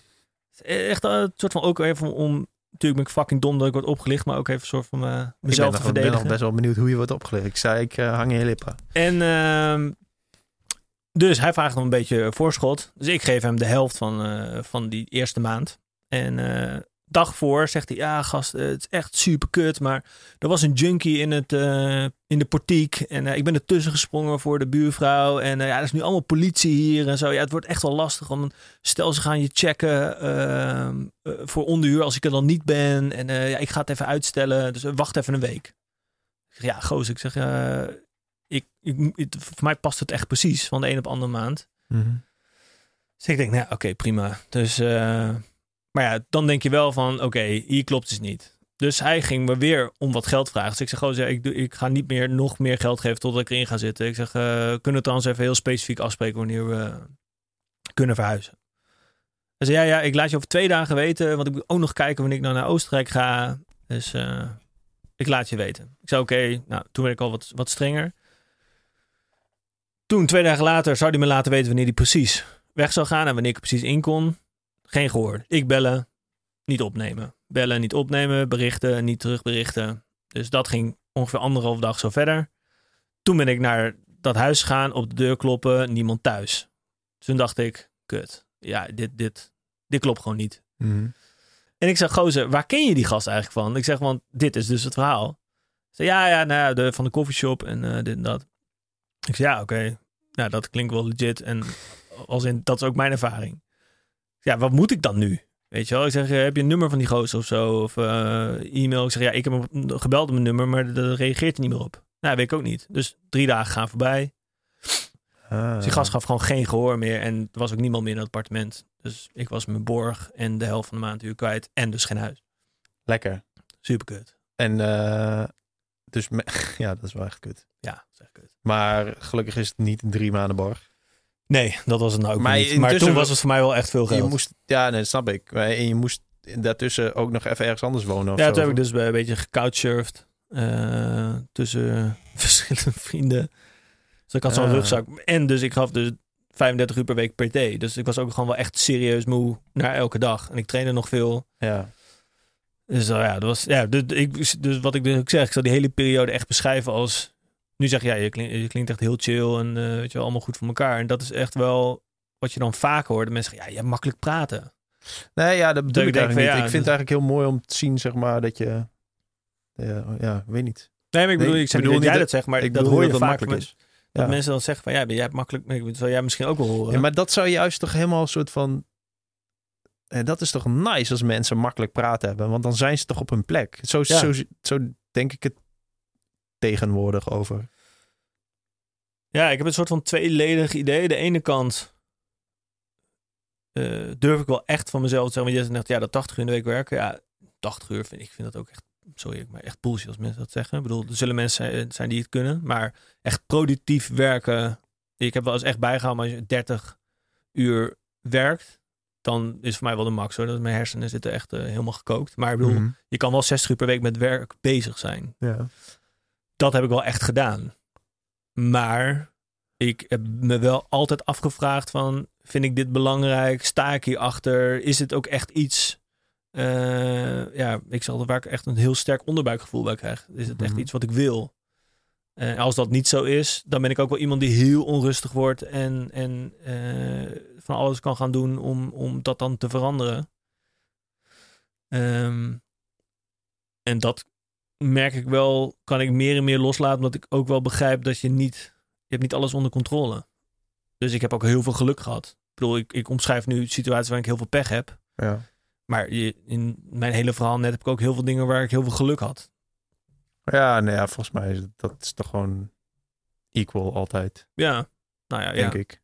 Over langere tijd verspreid wel. Ja. Het ligt een beetje aan hoe je, hoe je ermee omgaat. Ja, dat zeg maar, als je de ene weg neemt, dan dan ja, je gaat hem voor altijd in, zeg maar. Omdat... Waar ik nu even aan moet denken, is Nassim Taleb over dat optionaliteit waar hij het over heeft. Ja. Dat is het, denk ik. Toen ik dat las, dacht ik, ja, dat is het. Bedoel... Kun, je, kun je het uitleggen voor de, voor de luisteraars? Nou, optionaliteit gaat erover dat je uh, probeert opties te creëren waarbij de upside hoger is dan de downside. Ja. Dus dat betekent dat je uit een optie meer voordeel haalt dan dat je er uh, nadeel aan hebt. Ja. Um, en ik denk wel hij, wat hij eigenlijk zegt is, het gaat niet per se om over intelligentie, maar hij noemt dat, nou, Big Tony is volgens mijn naam. Fat Tony. Fat Tony. Ja. Het gaat over street smart. En ja. uh, waar het eigenlijk om gaat is dat je dus, als je opties ziet, of wel als er opties zijn, dat je ze ziet, dat je ook begrijpt welke opties je neemt. Ja. Uh, en ik denk, toen ik dat las, dacht ik, ja, ik ben wel eens iemand die dat doet. Ja. Ja, ik heb dat ook, ik, ik, ik, ik heb hem doorgrond dat nog niet denk ik, helemaal goed. Volgens mij kan dat ook niet. Maar hoe ik het benader is dat ik zeg maar... Ik wil heel vaak verbanden leggen tussen dingen en heel breed... Ik heb breed interessegebied. Ja. probeer heel veel. Waardoor ik dus ook nog weer sneller verbanden kan leggen. En dan denk ik heel vaak van ja, maar ik, mijn opties zijn in allerlei vakgebieden of zo. Ja, zo zie ik maar dat is denk ik ook omdat je je dan focust op principes. Want vaak, dat heeft hij het er ook over is dat sommige mensen dan heel slim zijn in een bepaald vakgebied, maar heel dom in alle andere. Ja, dat en dat komt omdat ze niet begrijpen dat principes in het ene vakgebied overlap hebben in andere vakgebieden. Ja. Hoe noemt hij dat nou? Ja, hij noemt het uh, path dependency. Ja, dat ja. Maar hij, hij, noemt dan het voorbeeld dat, dat mensen met de auto naar de gym gaan om daar op een, uh, om daar op een cross nee, maar dat is dus niet wat, wat ik bedoel. Hij heeft er nog een ander woord voor. Zie je, ik moet hem dus weer lezen, Anti-Fragile. Nou, in ieder geval wat hij, ik weet even niet meer hoe het principe heet, maar in ieder geval wat hij bedoelt is, laat ik het voorbeeld nemen eh, van Misschien zeg ik het wel verkeerd hoor. Misschien is het helemaal niet path dependent. Path dependent. Nee, dat noemt hij ook. ja. Maar dit bedoel ik iets anders. Is dat, maar in ieder geval, laten we zeggen bijvoorbeeld trainen. Om een kast te worden, moet je je houden aan een aantal basisprincipes. En dat consistent doen over tijd. Ja. Daarvoor is het heel handig als je jezelf gewoontes aanleert. Die horen bij die principes. ja. Zodat het veel makkelijker is over lange tijd vast te houden. Ja. Maar dat is met ondernemen precies hetzelfde. En Want dat ik- zijn dus die, die principes die je uit dat boek hebt. Hm? Dat, je, had, je had toch dat boek van die vrouw die geen Nederlands kan, die ik een shout-out Ja, ja, bijvoorbeeld. Ja. Ja, ja, ja, effectuation. Nou, ik vind, wat zij meer heeft, is dat heb ik bijvoorbeeld in de opleiding ook heel erg geprobeerd. Is zij heeft gekeken naar wat maakt ondernemers dan succesvol. Ja. Daar principes uit voortgehaald, zodat andere mensen kunnen denken: oké, dat zijn dus principes Ja. eh, waar ik me soort van als een kapstok aan kan gebruiken. Maar ik heb nog steeds wel mijn eigen weg. Is het hetzelfde een beetje als... Ik heb het boek van haar niet gelezen, als de Tools of Titans van eh, Tim Ferriss. Oh, die heb ik niet gelezen. Oh, ja, nou ik ja. heb hem wel in mijn kast liggen, maar ik heb je niet, wat een beetje side, zijstap, maar op een gegeven moment zoveel van die podcast van hem geluisterd. dat Ik dacht, van, jezus, ik krijg nu zoveel tips en lifehacks en tools. Ja, die- dat vind dat ik ik dus er zo ook, van zeg onrustig maar. van werd. Weet je, dat ik dacht van ja. Je moet eh, een soort Tim Ferriss dieet hebben. ja, Dat, ja, dat eh, ben ik met je eens inderdaad. dus ik werd er een beetje Bij onrustig hem is van. het heel vaak dat heel veel dingen vet zijn. Waardoor eigenlijk niks meer waarde Ja, heeft. en alles proberen zo fucking perfect te doen. Weet je, ook ga leren koken. Ja, moet ik wel echt de aller, allerbeste messen hebben. En moet ik de allerbeste manier van koken vinden. Ja. Maar niet per se van, oké, om te leren koken moet je, moet je dit en dit leren. En dan begin je met iets makkelijks. Ja. En dan, nou ja, een soort van, dan krijg je de feel of it. En dan denk je van, oh ja, dan kan ik steeds iets moeilijks proberen. Dus dan langzaam groeit het. Maar ik had bij hem het idee dat altijd gewoon, omdat hij ook alleen maar met die top performance eh, sprak. Ik bedoel, is lang geleden dat ik luisterde hoor. Maar dacht ik wel van, wow man, ik word hier gewoon een beetje zenuwachtig van. Ja. ja, ik kan me wel Van voorstellen dat je anxiety dat, krijg ik ervan. Ja. dat je dat punt hebt. Ik heb, het is ook heel lang geleden dat ik dat boek van hem heb gelezen over... eh, waarin hij dus ook allemaal kookdingen uitlegt. De ja, Hour for our Body. chef. For For our chef. ja. For, for our work week, for our body, for our Oh ja, chef. voor our chef, ja. For our body net zo trouwens. Want trainen durf ik nog iets over te zeggen. Maar dan heeft hij het over Ja, we moeten het je max, echt over trainen hebben, ja. max deadlift verbeteren. Oh ja, met eh 100 kilo in een week of zo. Ja. Maar nee, ja, zoiets. Van, ja, dude. Maar hoe was het ook weer? Ja, ik weet niet eens meer het principe, maar het ging, het ging er dus om dat je eigenlijk niks anders deed dan die deadlift. En dan alleen in een bepaald percentage en dan dat drie keer per week. Dus het is, het is een soort van, je hebt eh Smolov. Ah, ja. Wat dan is dat je dan elke dag squat in een andere intensiteitscurve. En dat hou je dan 12 weken vol. En je ga je helemaal naar de kloten. Je gaat helemaal kapot. Eh, en dan heb je een hogere squat. Alleen wat met al die dingen zo is, is kracht is een skill. Dus hoe beter je wordt in die skill, hoe beter je uiting wordt van kracht in die skill. Omdat kracht Mhm. uiten in gewicht. Ja. Dus als jij niet zo goed squat en je gaat 12 weken lang elke dag squatten, dan word je beter in squatten. Dan is het ook nog eens wel zo specifiek dat als je binnen een bepaalde intensiteitszone traint, dat dat dan ook wel zo specifiek is dat daar je uiting van kracht ook beter wordt. Dus dat maakt het schema in principe goed. Maar het is eigenlijk een slecht schema, want het is gewoon veel te veel in een Mhm. veel te korte tijd. Dus dat is net een beetje met een, met een, met een crash dieet. Ja, je valt heel veel af in een korte tijd, maar de rebound, eh rebounds effect is dan ook heel hoog. Ja. Dus op lange termijn is het helemaal niet vol te houden. En ja, dat is denk ik ook wat ik storend vond aan Tim Ferriss. En dat vond ik bijvoorbeeld in Mark Manson's boek heel goed. Het ligt, er liggen hier twee in de podcast twee. studio's. Twee in de studio.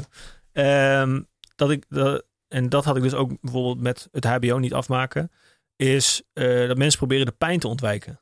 Ja, want ik wil, dat is nog wel een van de dingetjes. eh, En die ik vind ik dus heel sterk met, met trainen. Dat zie je dus heel veel. Dat er zoveel gimmicks en trucjes worden bedacht om maar niet te lijden, maar wel het resultaat te hebben. Terwijl mensen niet begrijpen, juist door te lijden, laat het even, ik maak het wel zwart-wit, maar in ieder geval door de pijn te omarmen, zeg maar, door daar doorheen te gaan, word je sterker. Mhm.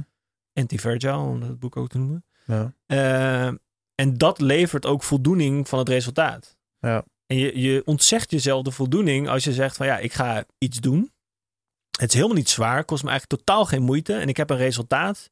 Dan voel je echt niks bij dat resultaat. Dan denk je, ja, hier, ik heb een prijs. En dan kom je dus op een punt dat je tegen allemaal mensen gaat zeggen, kijk een prijs, ik heb een prijs. Kijk, vind je niet vette prijs? En als Ja. mensen dan niet zeggen van, oh ja, vette prijs, dan denk je, ja, kut, voel me heel leeg. Mhm.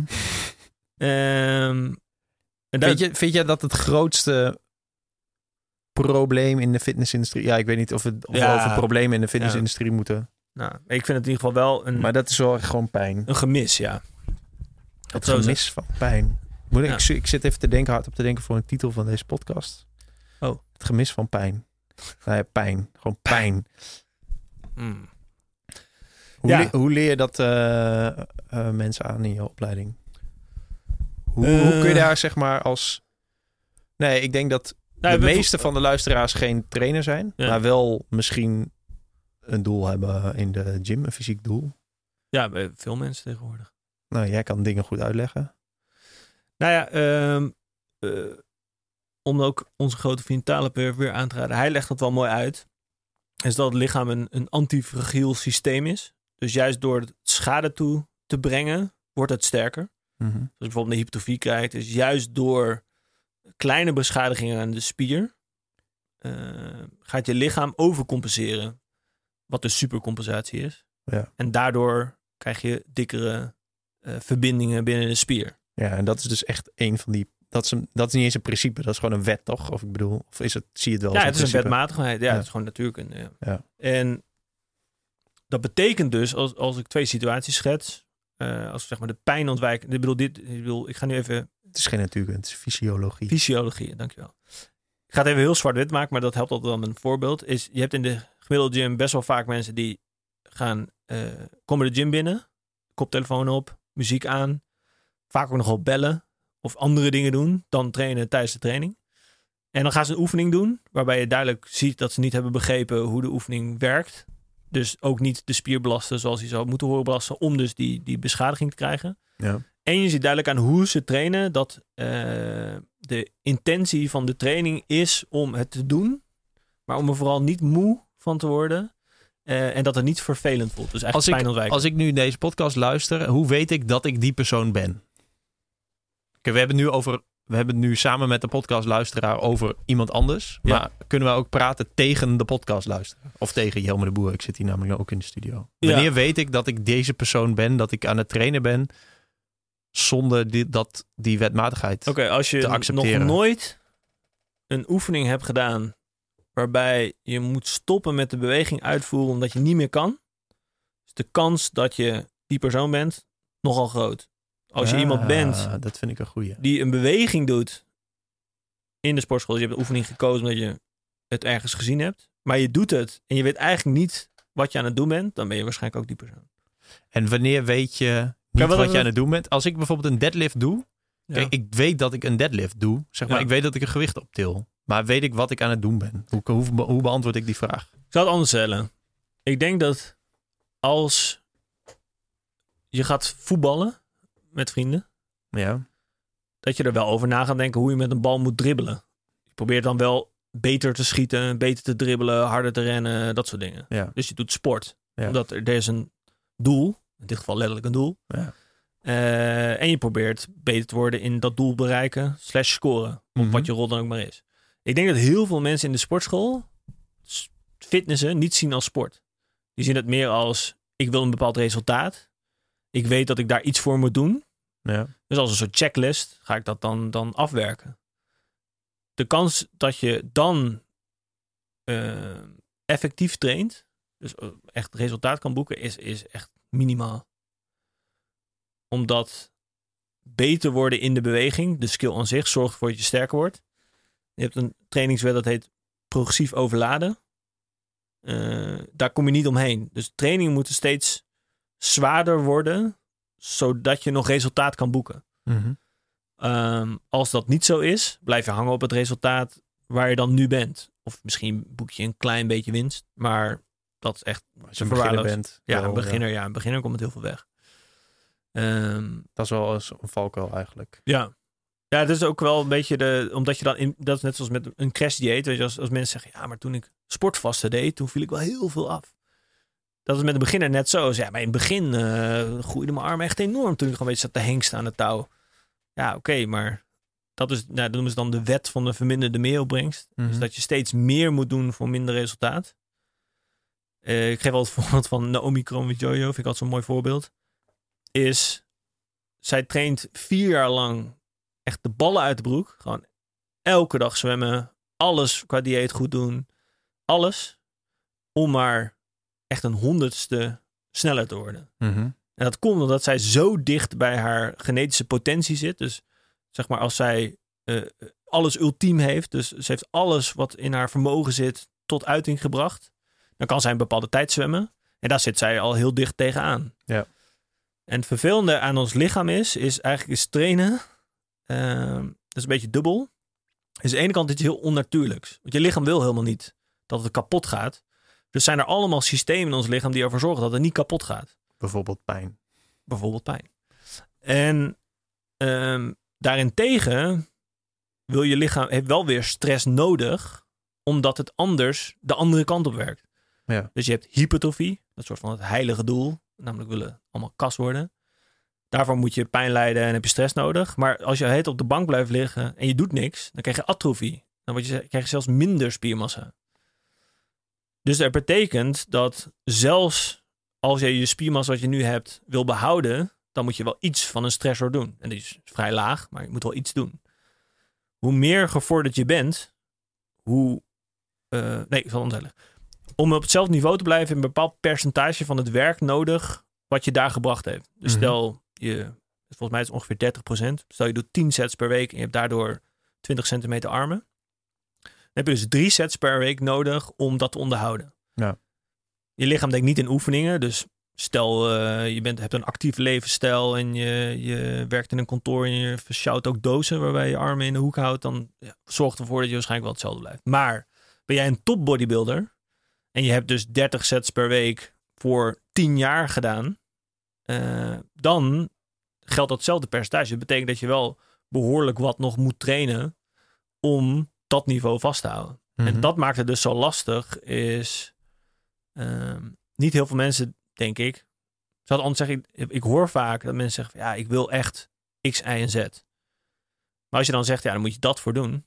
Oh, ja, ik weet niet, ja, Doe dan maar alleen X. ja, ja, nou, dan ben ik nu eigenlijk ook wel oké. Ja. Ehm, en dat, dat, dat vind ik dat hij. Dus, dus je punt is eigenlijk dat. eh, maar dat is natuurlijk heel moeilijk. Dus dat mensen. eh, dat, ja, wat is de Engelse gezegd altijd? They want to be the noun without doing the verb. Zeg Volgens mij zei Ronnie Coleman, legendarische bodybuilder, zei: Everybody wants to be a bodybuilder, but nobody wants to lift them heavy weights. Nee, ja, dat.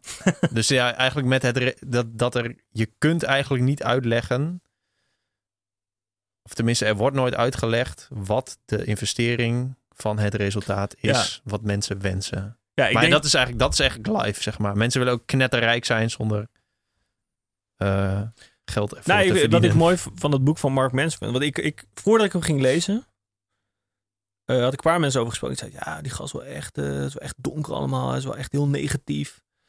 Ehm, ik denk ook wel dat hij bewust een bepaalde schrijfstijl heeft gekozen. Wat jij zegt, om mensen een beetje te prikkelen. Ja. Maar ik vind hem heel reëel. Ja, dat vind ik ook het echt het perfecte En dat vind ik juist eh, heel goed. Want ik vind, eh, gewoon dingen worden echt te veel gesugarcoat. Van, ja, binnen zoveel dagen kan je dit. Binnen zoveel dagen word je daar rijk. Eh, en, er- en er wordt zo, en dat is met fitness natuurlijk, en wat ik al zeg, we zijn zo resultaatgericht. Dat mensen vergeten hoe mooi trainen kan zijn als je echt accepteert wat het proces is. Mhm. Als je echt kan verwonderen over eh, wat je met je lichaam kan doen als je daar tijd, energie eh insteekt. Ja. Dat is een heel bijzonder proces. Alleen ik denk dat er niet genoeg gepraat wordt over wat dat proces dan is. Bijvoorbeeld, al mijn PT-cliënten leg ik altijd. Je hebt een basisregel dat heet het General Adaptation Syndrome. Dat is eigenlijk het stresssyndroom. Eh, en wat dat uitlegt is dat als jouw lichaam een stressor om zich heen kijkt, wat het weg wil brengen eh, van eh, het niveau waar het nu is, dan krijg je daar een tegenreactie op. En dan heb je de eerste fase, dat heet de weerstandsfase. Dat betekent, stel, dit is opeens een, een koelcel, het is in min 10. Ja. Dan krijg, geeft jouw lichaam een tegenreactie, je begint te bibberen, je, je gaat jezelf klein maken, je bloed trekt naar binnen. Eh, dus wat je lichaam gaat doen, is proberen aan te passen op de situatie. Dan ga je in de weerstandsfase. Dus stel, het gaat van min 10 eh, naar min 20 en moet hij een half uur zitten. Mhm. dan zal er een punt komen waarop je lichaam niet meer genoeg kan rillen, genoeg energie kan sparen om weerstand te bieden tegen de externe stressor. En dan uh, kom je in de uitputtingsfase. Dat hou je maar even vol totdat je doodgaat. Dat is een extreem voorbeeld, Mhm. maar je kan doodgaan aan onderkoeling. Als die stressor heel laag is over langere tijd, dan kan je lichaam beter tegen kou. Ja. Ehm, dat is met trainen net zo. Als jij een spier wil laten groeien, dan heb je daar een stressor no- voor nodig. Dat is een externe weerstand. Die leidt je tot vermoeidheid. Dus door die weerstandsfase heen tot in de uitputtingsfase. En wat je lichaam dan doet, net zoals eh, adaptatie over langere tijd tegen kou, is meer spiermassa bouwen.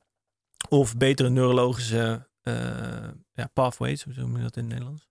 Weggetjes. Weggetjes. Ja. Betere neurologische aansturing, eh, zodat het beter bestand is tegen die externe stressor. En dat klinkt heel gek, omdat je dan denkt, van, ja, Maar maar je lichaam wil dus eigenlijk helemaal niet. Even tussendoor, Moeilijk. neurologische aansturing is dat je brein zegt, jij kunt hier wel tegen. Is dat, werkt dat zo? Eh, je moet eigenlijk zo zien, is dat elke beweging is eigenlijk eerst een idee. Oké. Dus jij, Maar is, het, is dat neurologische pathways is gewoon je brein die zegt, jij kunt dit. jij nee, kunt dit idee. Ja, Nee, dit is het echt is- een net goed idee. nee het, is, het is een impuls. Oké. Dus eh, stel, ehm, je wil leren een bal vangen. Dat, dat, dat is heel ingewikkeld. Je moet eerst weten hoe jij staat in de ruimte. Mhm. Dan moet je, als je zou uitschrijven wat zich allemaal moet ontspannen en aanspannen om je hand op een bepaalde positie te krijgen om die bal te vangen, ja, dat is bijna niet te doen. Nee. Dus dat komt heel precies. Eh, wat je lichaam eigenlijk doet, is eh, constant een stimulus naar buiten sturen en tegelijkertijd komt er ook feedback op die stimulus. Dat betekent dat het zich steeds meer bewust wordt van hoe beweeg ik in de ruimte, hoe lang duurt het om op een bepaald punt te komen, eh, hoe snel gaat een bal. Mhm. Uh, dat leer je allemaal inschatten. En dat, dat is een constante feedback loop. En dat gaat via dus eh, neurologische weggetjes. Ah, Oké, op die manier. Ja. Ehm, met krachten is dus precies hetzelfde. Is, ehm, een spier aan zich is een bundeling van eh, verschillende spiervezels. En ik geef wel het voorbeeld, als je een glas water hebt en die wil je optillen, dan gebruik je echt maar minimale hoeveelheid van je potentie. Maar zet ik hier een deadlift klaar die gelijk is of iets meer is dan wat je echt kan tillen, dan als je echt met volle overtuiging probeert dat dan op te tillen, dan ga je voor de maximale aansturing. Mhm. En dat is ook een skill aan zich. Dus een beginner kan bij lange na niet de neurologische potentie leveren. eh, of sorry, niet de neurologische drive, dus de aansturing leveren, dan dat die een potentie in zich heeft. Ja, oké. En eh, dat is dus ook waarom je dus die pijn moet omarmen. Want als jij niet je lichaam zegt van ja, en nu gaan we godverdomme dat gewicht optillen. En je doet dat met een bepaalde intentie, wat Ja. leidt tot intensiteit. Dan ga je lichaam dat ook niet doen. Want je lichaam denkt alleen maar, ja, eh, chill. We zijn nu gewoon hier. En eh, we vooral niet te moe worden. Dus eh, rustig. Maar is het dan... Ik zie opeens hier een, een Bert- platenkoffer van, Bert en Ernie. Ja, ik dacht dat ook, ja. Ik wist niet dat je kwaad werd. Ah, goeie. Maar eh, is, het, is dit dan ook, zeg maar, eh, een kritiek op degene die probeert drie keer in de week naar de gym te gaan en dan maar gewoon zijn vaste rondje doet zonder dat hij weerstand voelt? Of zijn er ook nog wel echt wel redenen te bedenken voor Ja. mensen die dat... Zeker. Kijk, eh, ik zeg altijd: bedenk je goed wat je wil. En probeer eh, acties te vinden die in, of acties en gewoontes die in lijn zijn met hetgene wat jij wil. Dus als jij zegt: ik wil kast worden, dan moet je daar iets voor doen. Maar als jij van zegt: je klanten zegt zoiets, zeg maar, eh, wat in die richting is? Kijk, ik zeg het ik zeg het vaak, omdat het wel, het is gewoon eigenlijk in een lompe bewoording wat ik wil in de gym. ik wil een mooi fysiek. Ja. En dat is, en bij, bij mij is mooi altijd net iets beter dan dat ik er nu uitzie. Dat is wat ik wil. Kunnen we het ook nog over hebben. Maar... Ja, voor, ja en- dan, ja, dat is niet een specifiek doel, maar dat is bij mij in mijn hoofd kast worden. Ja. En daarom zeg ik altijd, ben binnenkort kast, want ik ben er eigenlijk nooit. Dat is een beetje de, de grap. Ik heb Ja. nu een grap uitgelegd. Hoeveel van jouw klanten... doen, hè? Grap uitleggen. Kijk, jouw klanten is natuurlijk niet een doorsnee van, eh, van de, de, de samenleving of van de samenleving die naar de gym gaat. Maar hoeveel van jouw klanten zegt, nou, ik wil gewoon fysiek eh, er beter uitzien? Oh, zo. Ehm, ja, mijn cliëntel is, is wel een beetje veranderd. Zeker sinds Milo. Maar daarvoor trainde ik ja, ga ik air quotes doen tijdens een podcast, maar de normale mens. Ja. Eh, wel veel al ondernemers en mensen die natuurlijk wel meer geld hebben dan, dan gemiddeld. Maar eh, dan ging je zitten en wat wil je? Ja, ik wil fit zijn. Dat is eigenlijk wat ze meestal zeggen. ja. En dan moet je, dan ga ik wel het gesprek aan om te definiëren wat fit zijn dan is. En soms komt er iets heel simpels uit, als in, ja, vroeger ehm, deed ik X-sport, zag ik er zo uit en nu lijk ik daar totaal niet meer op, maar ik voel me toen wel beter. Dus ik denk als ik weer zo uitzie dat ik me ook beter voel, Mhm. wat waarschijnlijk zo is. Ja. Eh, tot dat ehm, ik ben niet blij met mijn leven en ik heb het gevoel dat als ik mijn lichaam onder controle krijg, dat ik misschien ook meer controle krijg over hoe het in mijn leven gaat. Om een beetje de bandbreedte uit te geven. Ja. Dus ehm, ik denk van degene die kas wil zijn, omdat hij vroeger ook kas was en zich toen beter voelde, tot diegene die zegt van ja, ik, ik word gewoon steeds dikker en dikker en ik ben ongelukkig en ik heb het gevoel als ik hier begin dat het dan beter wordt. Mhm. Dat trainen een, een mooi middel kan zijn. Ja, ik vind het beide eigenlijk wel. Inderdaad, zijn uiterste, maar beide zijn echt mooie, Ja. mooie redenen. Eh, Zo. Ja. Zijn, er ook, zijn er ook, kom je wel eens een kutreden tegen? Dat je zegt van ja, goed dat je dit wil, maar ik vind helemaal niks. Of geef je je mening nooit, of boeit het je niet? Of werkt dat niet zo? Of Ehm, ligt er altijd een ja, dieper liggende reden? Precies, ja. En, en soms is dat niet aan mij. Ik bedoel, ik ben geen psycholoog. Nee, Eh, klopt. Maar je kunt toch zeggen van ja, als je zeg maar met dit doel bij mij komt trainen, vind ik het niet leuk om met jou te trainen. Dat Oh, komt- zo. Ja, nou eigenlijk de, de, de, de cliënten waarbij ik dat heb, zijn mensen die dus zeggen dat ze iets willen. Maar zeker naar goed uitleg en op verschillende manieren benaderen. eh, duidelijk laten zien dat ze niet datgene willen doen om daar te komen. Mhm. Ja, dan kan ik gewoon niet zoveel voor ze doen. Want ehm, wat er dan gebeurt, zeker als ik mijn mening daar niet over uit, is dat het dan mijn schuld is. Ja. Want ja, ik, ik heb eh, PT betaald en ik heb gezegd dat ik een kast wil worden. En nu ben ik al eh, drie jaar met jou en ik ben nog steeds geen kast. Ja. Ehm, en dat, dat had ik in het begin, nam ik daar wel zelf te veel verantwoordelijkheid voor. Toen dacht ik, oh ja, shit, ja, ik wil deze klant wel houden of whatever. Ja, ik kan me, ik kan En me dacht van- in, inbeelden. Ja. maar. Dat je denkt van ja, de- ja, we verzinnen wel een manier. Zeg ja, maar, dat je gaat een soort van consensus doen Ja. op, op hetgene wat je doet. Terwijl Maar het is ook lastig, want jij, je, hebt een, je hebt een lead, een potentie van, voor iemand die eh, ja, gewoon jouw bedrag be- be- be- betaalt. Ja, en, en dat kan je ook gewoon doen. Hè? Ik bedoel, want die, die mensen blijven wel. ja, Want als jij weg bent, dan is het hun schuld. En dat is niet de bedoeling. Dus ja, ze blijven wel betalen. ja, Alleen, en dat, Mark Mensen weer shout-out. ja. Eh, wat die mensen dus doen, is, is hun pijn ontwijken. Ze weten wel van, ja, daar zit iets. En het knaagt aan me. En het is heel vervelend. En eh, er zullen ook momenten zijn dat ze ook heel bewust weten dat het echt aan hun ligt. Maar ze hebben dan jou om dan in ieder geval te zeggen, ja, maar ik heb wel een PT'er. Ja. Dus ik ben er wel mee bezig, weet je wel. Ja. Ehm, en ik denk de, de valkuil daarin is om ja, te veel concessies te doen. Kijk, ik weet wel wat iemand ervoor moet doen. Daar Ja. daar- daar durf ik mijn hand voor in het vuur te steken. Ik weet nu precies wat we moeten doen. Mhm. Ehm, en ik geloof ook wel in, het is heel erg gewoonte. De gewoontes zijn heel belangrijk. Er zijn bepaalde gewoontes die je over langere tijd moet hanteren om daar te komen. En gewoontes aanleren is niet makkelijk. Dus Nee. daarin ben ik wel coulant. Alleen niet beginnen aan een gewoonte, ja, dat is heel vermoeiend. Ook zeker als je merkt dat iemand dus niet verantwoordelijkheid neemt voor hetgene waar die wel of niet verantwoordelijk voor zou moeten zijn. Uh, ja, maar je zegt net, ik ben geen psycholoog, maar die, eigenlijk... Ja, Ja, het is wel een beetje, ja, soms zit je wel een beetje op het randje. Ja. ja, dat lijkt me... Alleen bijvoorbeeld als ik merk eh, dat ehm, eh, bijvoorbeeld iemand zo met zichzelf in de knoop zit of zoveel hekel heeft aan zichzelf, waardoor die, hij of zij zichzelf geen verandering gunt, omdat hij het zichzelf niet waard vindt. Ja, dan is Mhm. natuurlijk diegene, ik bedoel, ik heb eh, een, kan- netwerk van... eh, Kan hij of zij het boek van Mark Mensen ook wel lezen? De eerste 80 pagina's gaan een beetje... Ja, alleen ja, de- ik denk niet dat, dat Kost me 20 piek. Nee, maar, maar eh, sommige mensen hebben echt hulp nodig. Ja. En, en dat, dat vind ik heel belangrijk ook. En, en daarom vind ik ook dat je moet weten waar, wanneer je iemand niet meer moet gaan helpen. Ja. En, eh, en daarom, ik bedoel, eh, ik, ik heb goed contact met eh, een psycholoog en een coach en, en goede fysio's om me heen. En ik verwijs mensen heel veel door. Mhm. Omdat ik het dus wel belangrijk vind dat, dat, dat, ehm, ja, dat zo iemand dan wel een plek vindt waar, waar die eraan kan werken. Welke pijn zoek je zelf op? Ehm, op dit moment, ik denk van de pijn. Eh, eh, is het nou stoïsme of stoïcisme? Stoïcisme. Stoïcisme.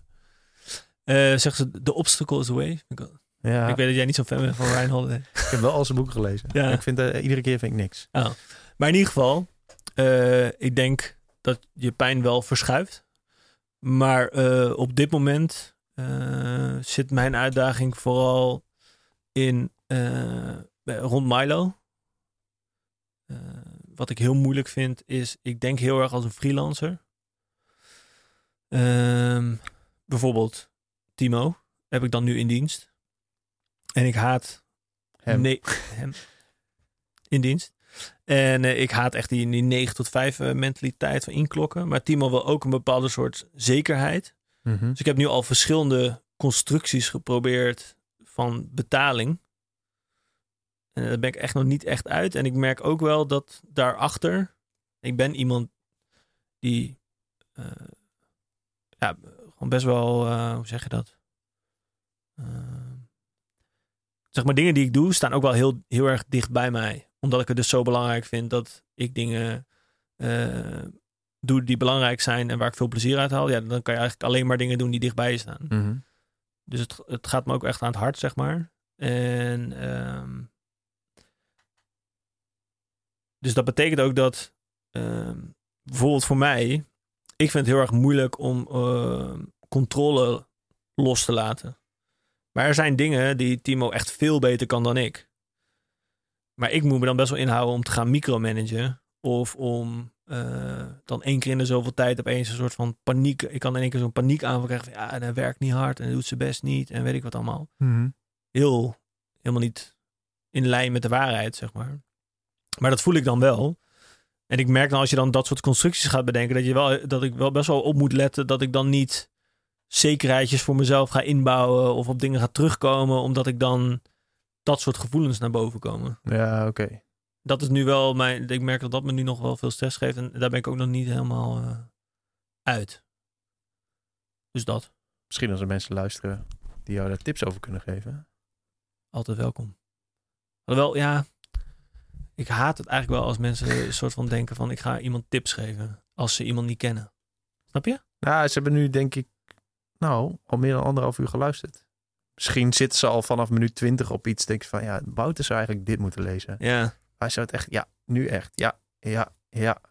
Hij zou eigenlijk deze eh, seminar van Anthony Robbins moeten doen. Ja, nu ga ik hem DM'en. Ja. Oh nee. Nee, eh, ik ben oké. Hoe, eh, hoe belangrijk vind je zelf kast worden? Ehm, Kast toe. toevallig, nou, ik- eh, niet arrogant klinken, maar ik vind mezelf al behoorlijk kast. Ehm, dus Check- eigenlijk. Check mijn Insta.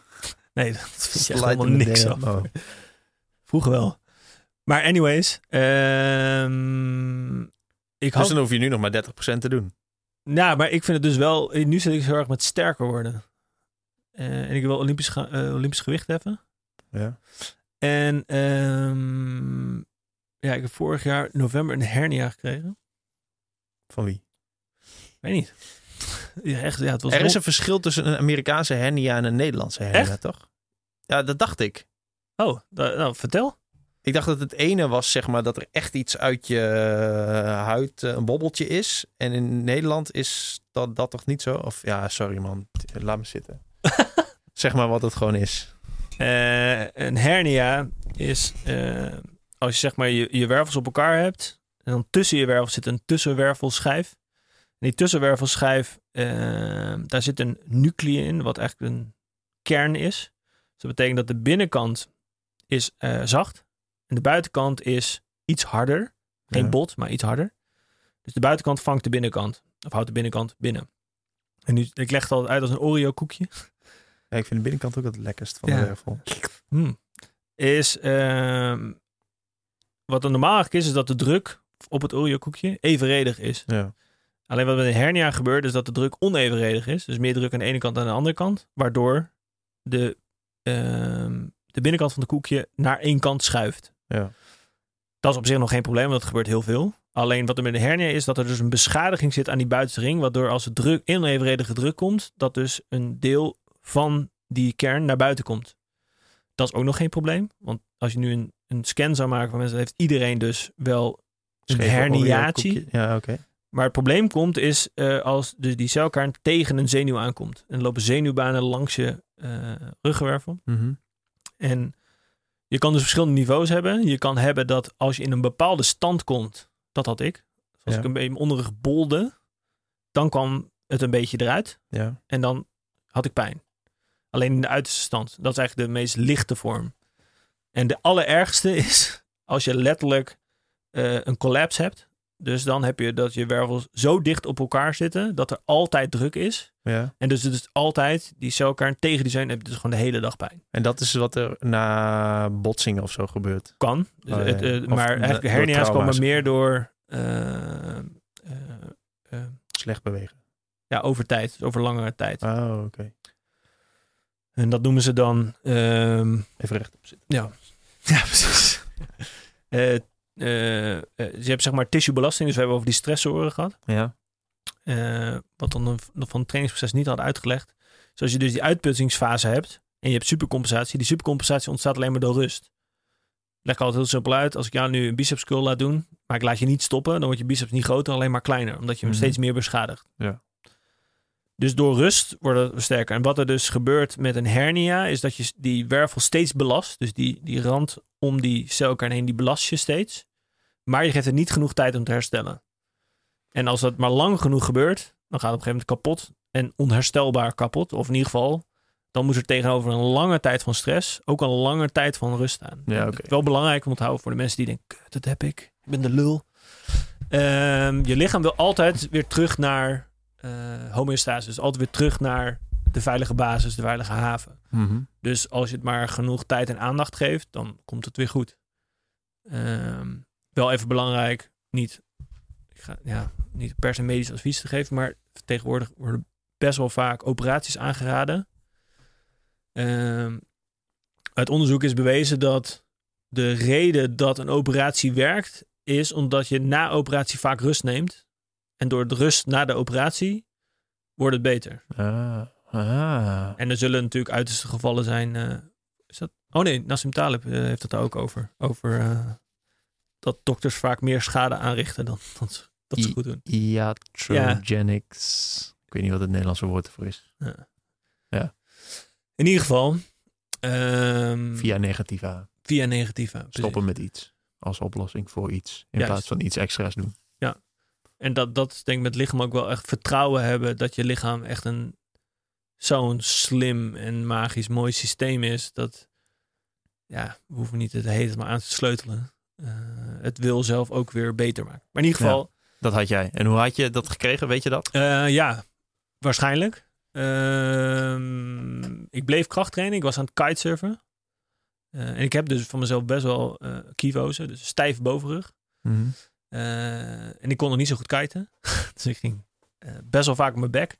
En ik heb denk ik daardoor heel veel, zeg maar, eh, draaiende beweging gemaakt met mijn bovenlichaam. Ja. Terwijl eh, mijn onderlichaam daardoor heel veel druk moest opvangen. Normaal gesproken, als je draait, draai je zeg maar al je wervels mee. Maar ik heb met mijn bovenrug dat ik best wel weinig rotatie heb. Waardoor ik in mijn onderrug extra veel rotatie Ja, heb. Eh, ik denk dat het daarmee te maken heeft. En ehm, ja, ik heb toen wat dingen met training veranderd. Eh, ik wilde dus Olympisch gewicht even gaan doen. En ik denk dat ik het allemaal te veel tegelijk heb gedaan. eh, naast te weinig rust. Dus ik was toen eh, ja, gewoon veel aan het werk. Dus ik denk dat dat een soort van combinatie van dat alles is. Want het is gebeurd. Ik ging toen naar een kite trip naar Zuid-Afrika. Eh Shout-out naar Zuid-Afrika. nee. Ehm, Blauwberg. Blauwberg, Ja. Muizenberg. Eh, super vet. Niet maar- omdat er veel muizen zijn, hè? Nee, Nee. het is heel veel water. En zand. Ehm, ja, toen vlak daarvoor gebeurde het. En ik dacht dat het gewoon in mijn bil was geschoten. Ja, en toen dan, dan ontstond er een situatie die absoluut niet gewenst is. Namelijk heel lang in een vliegtuig zitten. Eh, daarna met, waar met acht gasten. En het was echt één groot chaos van weinig slapen, slecht eten, veel kiten.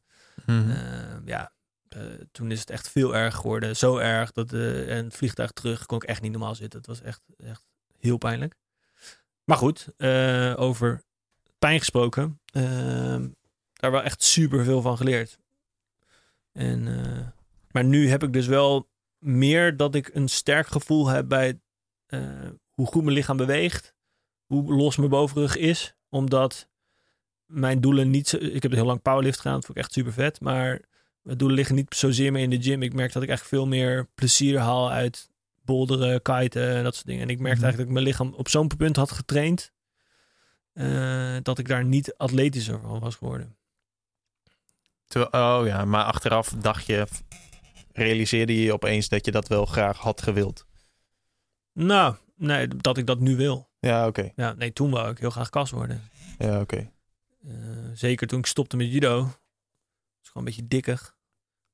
Zeker ja, fase daarna. Maar ik had, ik had laatst een hypothese, maar die werd door iedereen ontkracht op Twitter. Ik dacht, ik, mijn hypothese was dat iedereen die vroeger gejudo'd had, sowieso een, een hypothese die begint met iedereen sowieso niet heel goed of zo, dat die nu kast is. Toen zei iedereen, nou, uh, ik niet hoor, ik niet hoor, ik niet hoor. Toen dacht ik, ja, ik ken heel veel oud judoka's die kast zijn. Ah, zo. Bijvoorbeeld ik zelf. Nog niet, maar bijna. Nee, binnenkort dan.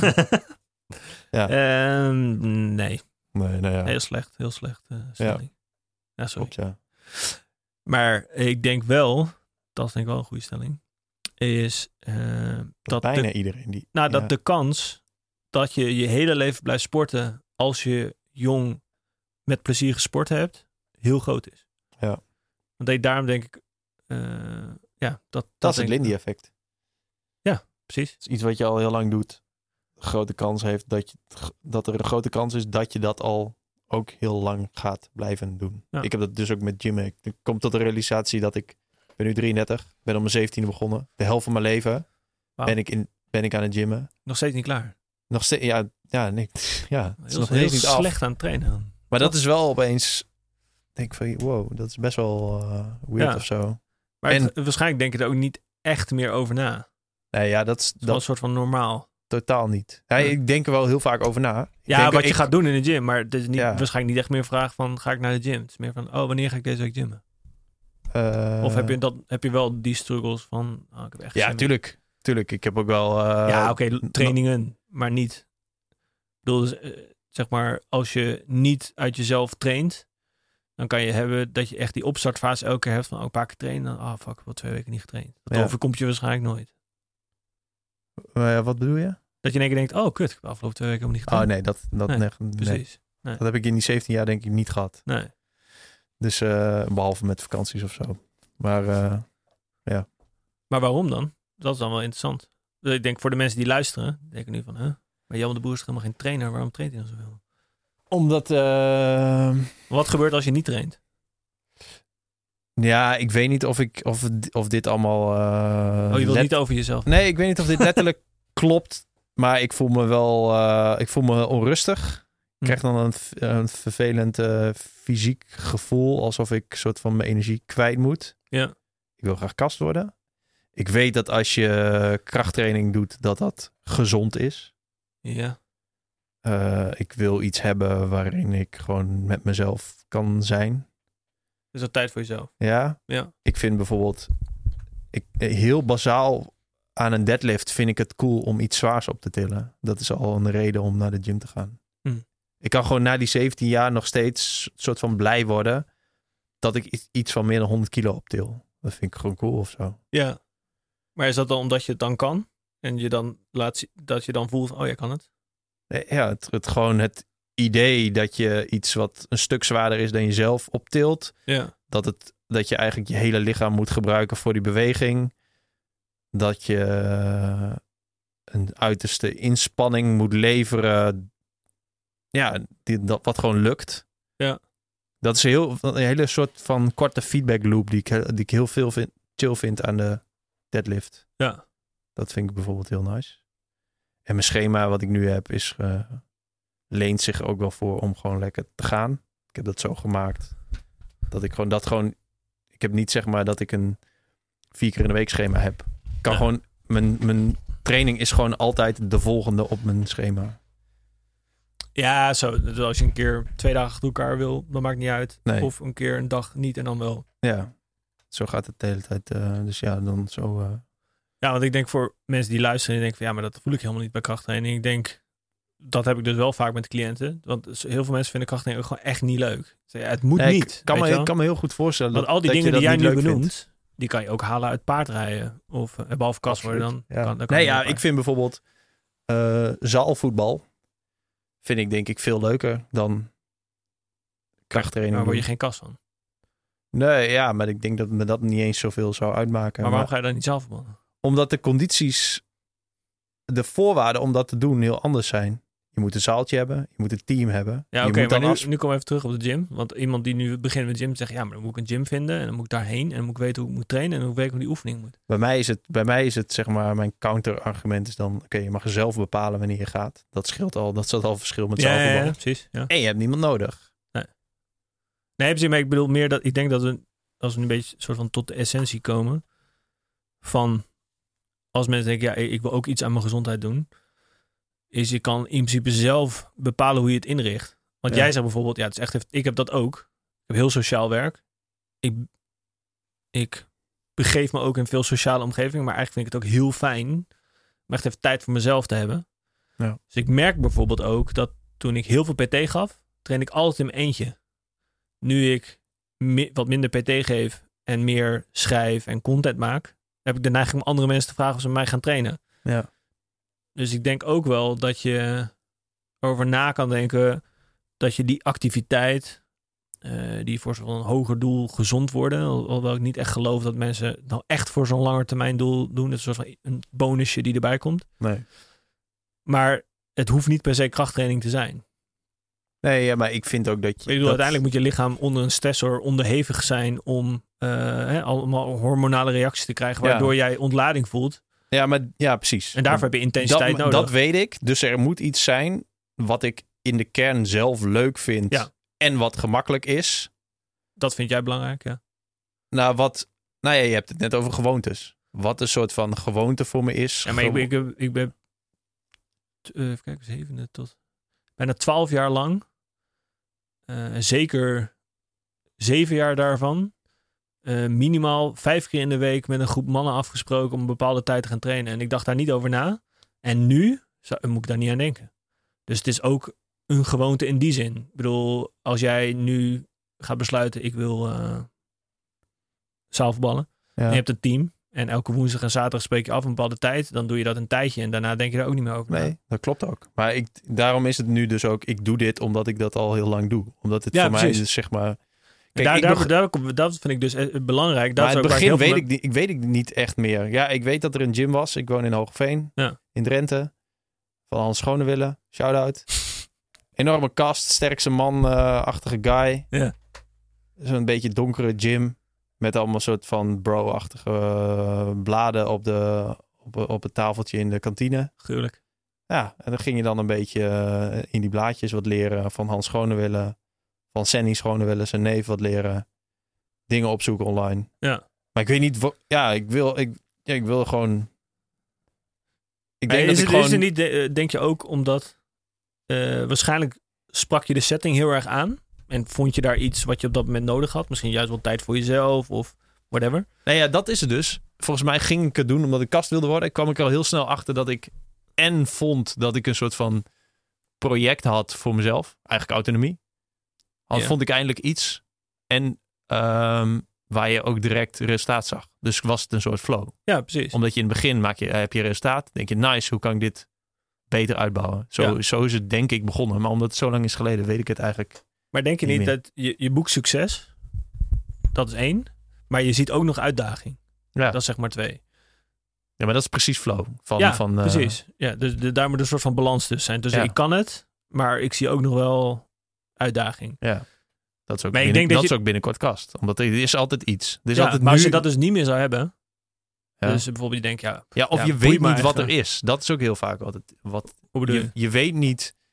Je weet niet waar je nu... Heel veel beginners, zonder begeleiding, Ja. weten niet waar ze nu staan. Weten niet waar ze moeten komen. Nee, weten die- niet waar die- ze, wat ze ervoor Nee, moeten doen. Maar die kappen denk ik ook wel. Ja, Maar daarom is het dus, eh, een stukje educatie, zeg maar. Wat jij dus eigenlijk jezelf hebt aangeleerd. Je ging die blaadjes lezen, dacht je, oh, het programma loopt zo en zo. Oh, Ja. En doe het. En oh ja, het werkt ook zo en zo. Eh, dat is heel belangrijk. Eh, maar daar kom ik dus weer op terug. Is het hoeft niet krachttraining te zijn. En ik denk dat je niet Nee, moet onderschatten, als we het over pijn hebben, dat stel jij, jij besluit nu wel van ja, ik vind eigenlijk mezelf wel genoeg kast. Dat heb ik dus eh, een tijdje geleden gehad. Ik dacht van ja, ik ben nu heet weer aan het trainen, maar ik eigenlijk boeit me helemaal niet of ik nou nog twee, drie kilo zwaarder ben. Ik vind het zo wel prima. Toen ging ik dus boulderen en kiten. Had ik eerst ook weer even van, oh ja, kut, moet ik kitespullen kopen. En oh ja, moet ik eigenlijk ook wel een auto hebben, moet ik naar het water. Oh, dan moet ik ook weten hoe die wind allemaal staat. Ja, dat heb je in het begin een soort van ongemakkelijk gevoel. Ja. Je denkt van, ja, kut, ik weet het allemaal niet. En dan heb je dat een paar keer gedaan. En dan denk je, oh ja, nou ja, eigenlijk best wel vet. En ja, eigenlijk, eh, ja, ik heb dan zo'n app-service en zo. Ja, dan heb je, heb je een groep vrienden die ook een beetje elkaar op de hoogte houden van, dan, dan kunnen we kiten. Mhm. En dan zit je er middenin. Ja. Dus ik denk als je dit luistert en je denkt van ja, ik wil ook op zo'n punt komen. Ja, weet je wel, weet dat die, die struggle die je in het begin hebt om al die voorwaarden te creëren, die stopt. Alleen de struggle, zeg maar, die zware set of met kiten dat ik geblesseerd raak of eh, dat ik probeer een nieuw trucje te doen en ik ga weer 30 keer op mijn bek en die kite flikt weer in het water en dan moet ik weer uithalen. Dat ga ik nooit leuk vinden. Nee. Dus bepaalde pijntjes blijven, maar die horen bij het proces en die zorgen ervoor dat je ook beter wordt. Ja, en, en, en, bepaalde pijntjes gaan ook weg. Zoals gewoontes en, Ja. en dat soort dingen. ja, en die zorgen, die zorgen voor het resultaat. Juist. Daarom kun je het het resultaat dus waarderen. Ja, en daarom vind ik dus, om weer weer terug te gaan, en daarom is dat boek ook zo goed. Is als je dus de hele Het boek heet trouwens Everything is Fucked. Alles Ja, is fucked. alles. je hebt een Engelse. De tweede versie. De tweede, het tweede boek van Mark Manson. Volgens mij hadden we dat nog niet genoemd. Nee.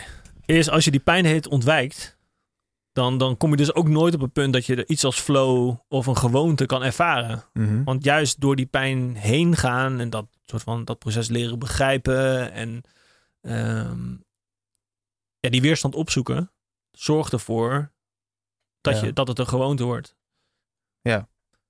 Klopt. Alleen live is wel... Het is niet alleen maar pijn. En het is dus ook niet alleen maar plezier, Nee, precies. zeg maar. En ik denk dat daarin. En het is ook niet gro- enorme pijn, enorm plezier. Dat is het ook niet.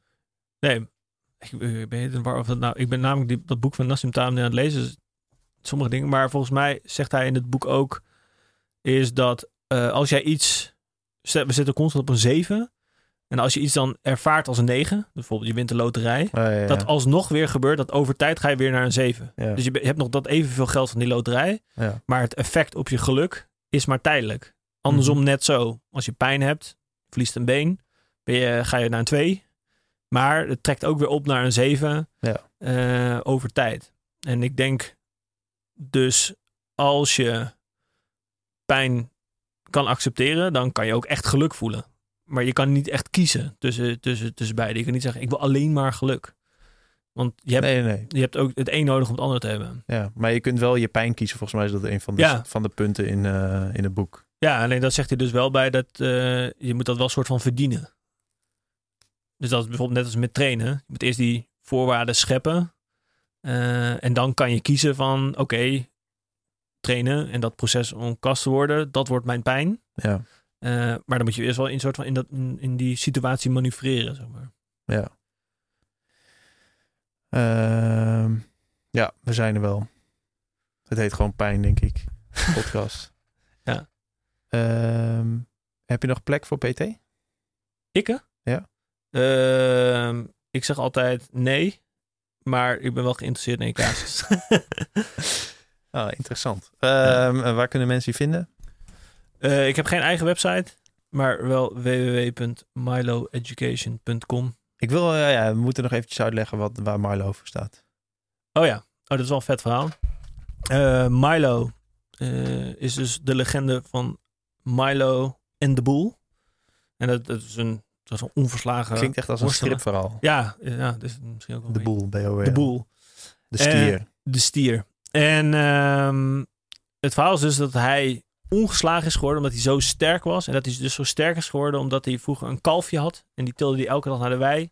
Die kalf werd langzaam een stier. En dat is dus de eerste trainingswet. Progressief overladen. Ja.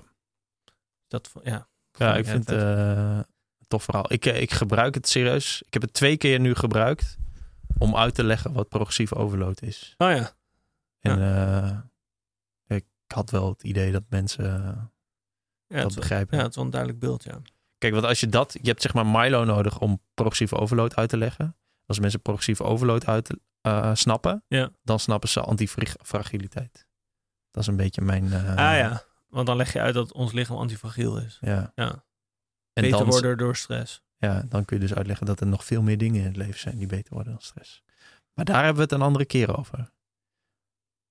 Ja, want we zijn eh, 13 minuten over tijd, man. Jezus, Ja, meen je? ja. Eh, mensen, even shout-out, nog een laatste shout-out naar die mensen die mij supporten via Petje Af. Petje.af, slash Jelme de Boer. Oh nee, kijk op eh www.ikwethetokniet.nl. Als je bijvoorbeeld over drie jaar deze podcast luistert en dan ik helemaal niet meer bij Petje Af zit. Maar gewoon even een ander systeem hebt, kun je beter naar ikwethetokniet.nl. Want dan, eh, ja, dat is gewoon mijn domeinnaam. Ah, autonomie. Ehm wil je nog iets kwijt? Ehm, nou, we hebben het heel veel over pijn gehad. Maar ehm, als je het hebben over training, dan als we het hebben over optionaliteit, onthoud dan ook dat hoe fitter je wordt, hoe meer mogelijkheden je hebt. En dat fit zijn je de ruimte geeft om dan daarmee te doen wat je wil. Dus bewegen, sporten, denk op vakantie, leuke dingen doen. Ja. Eh, gezondheid is echt iets heel erg moois. En je moet er dus wel wat voor doen, maar het levert je heel, heel veel op. Nice man. Eh, echt een goede quote. Kan ik me heel erg in vinden. Eh, bedankt. Hartstikke leuk. Mensen bedankt voor het luisteren. Check dus Milo Education. Ja. Punt. Kom. Kom. Oké, doei. Tot de volgende keer. Doei.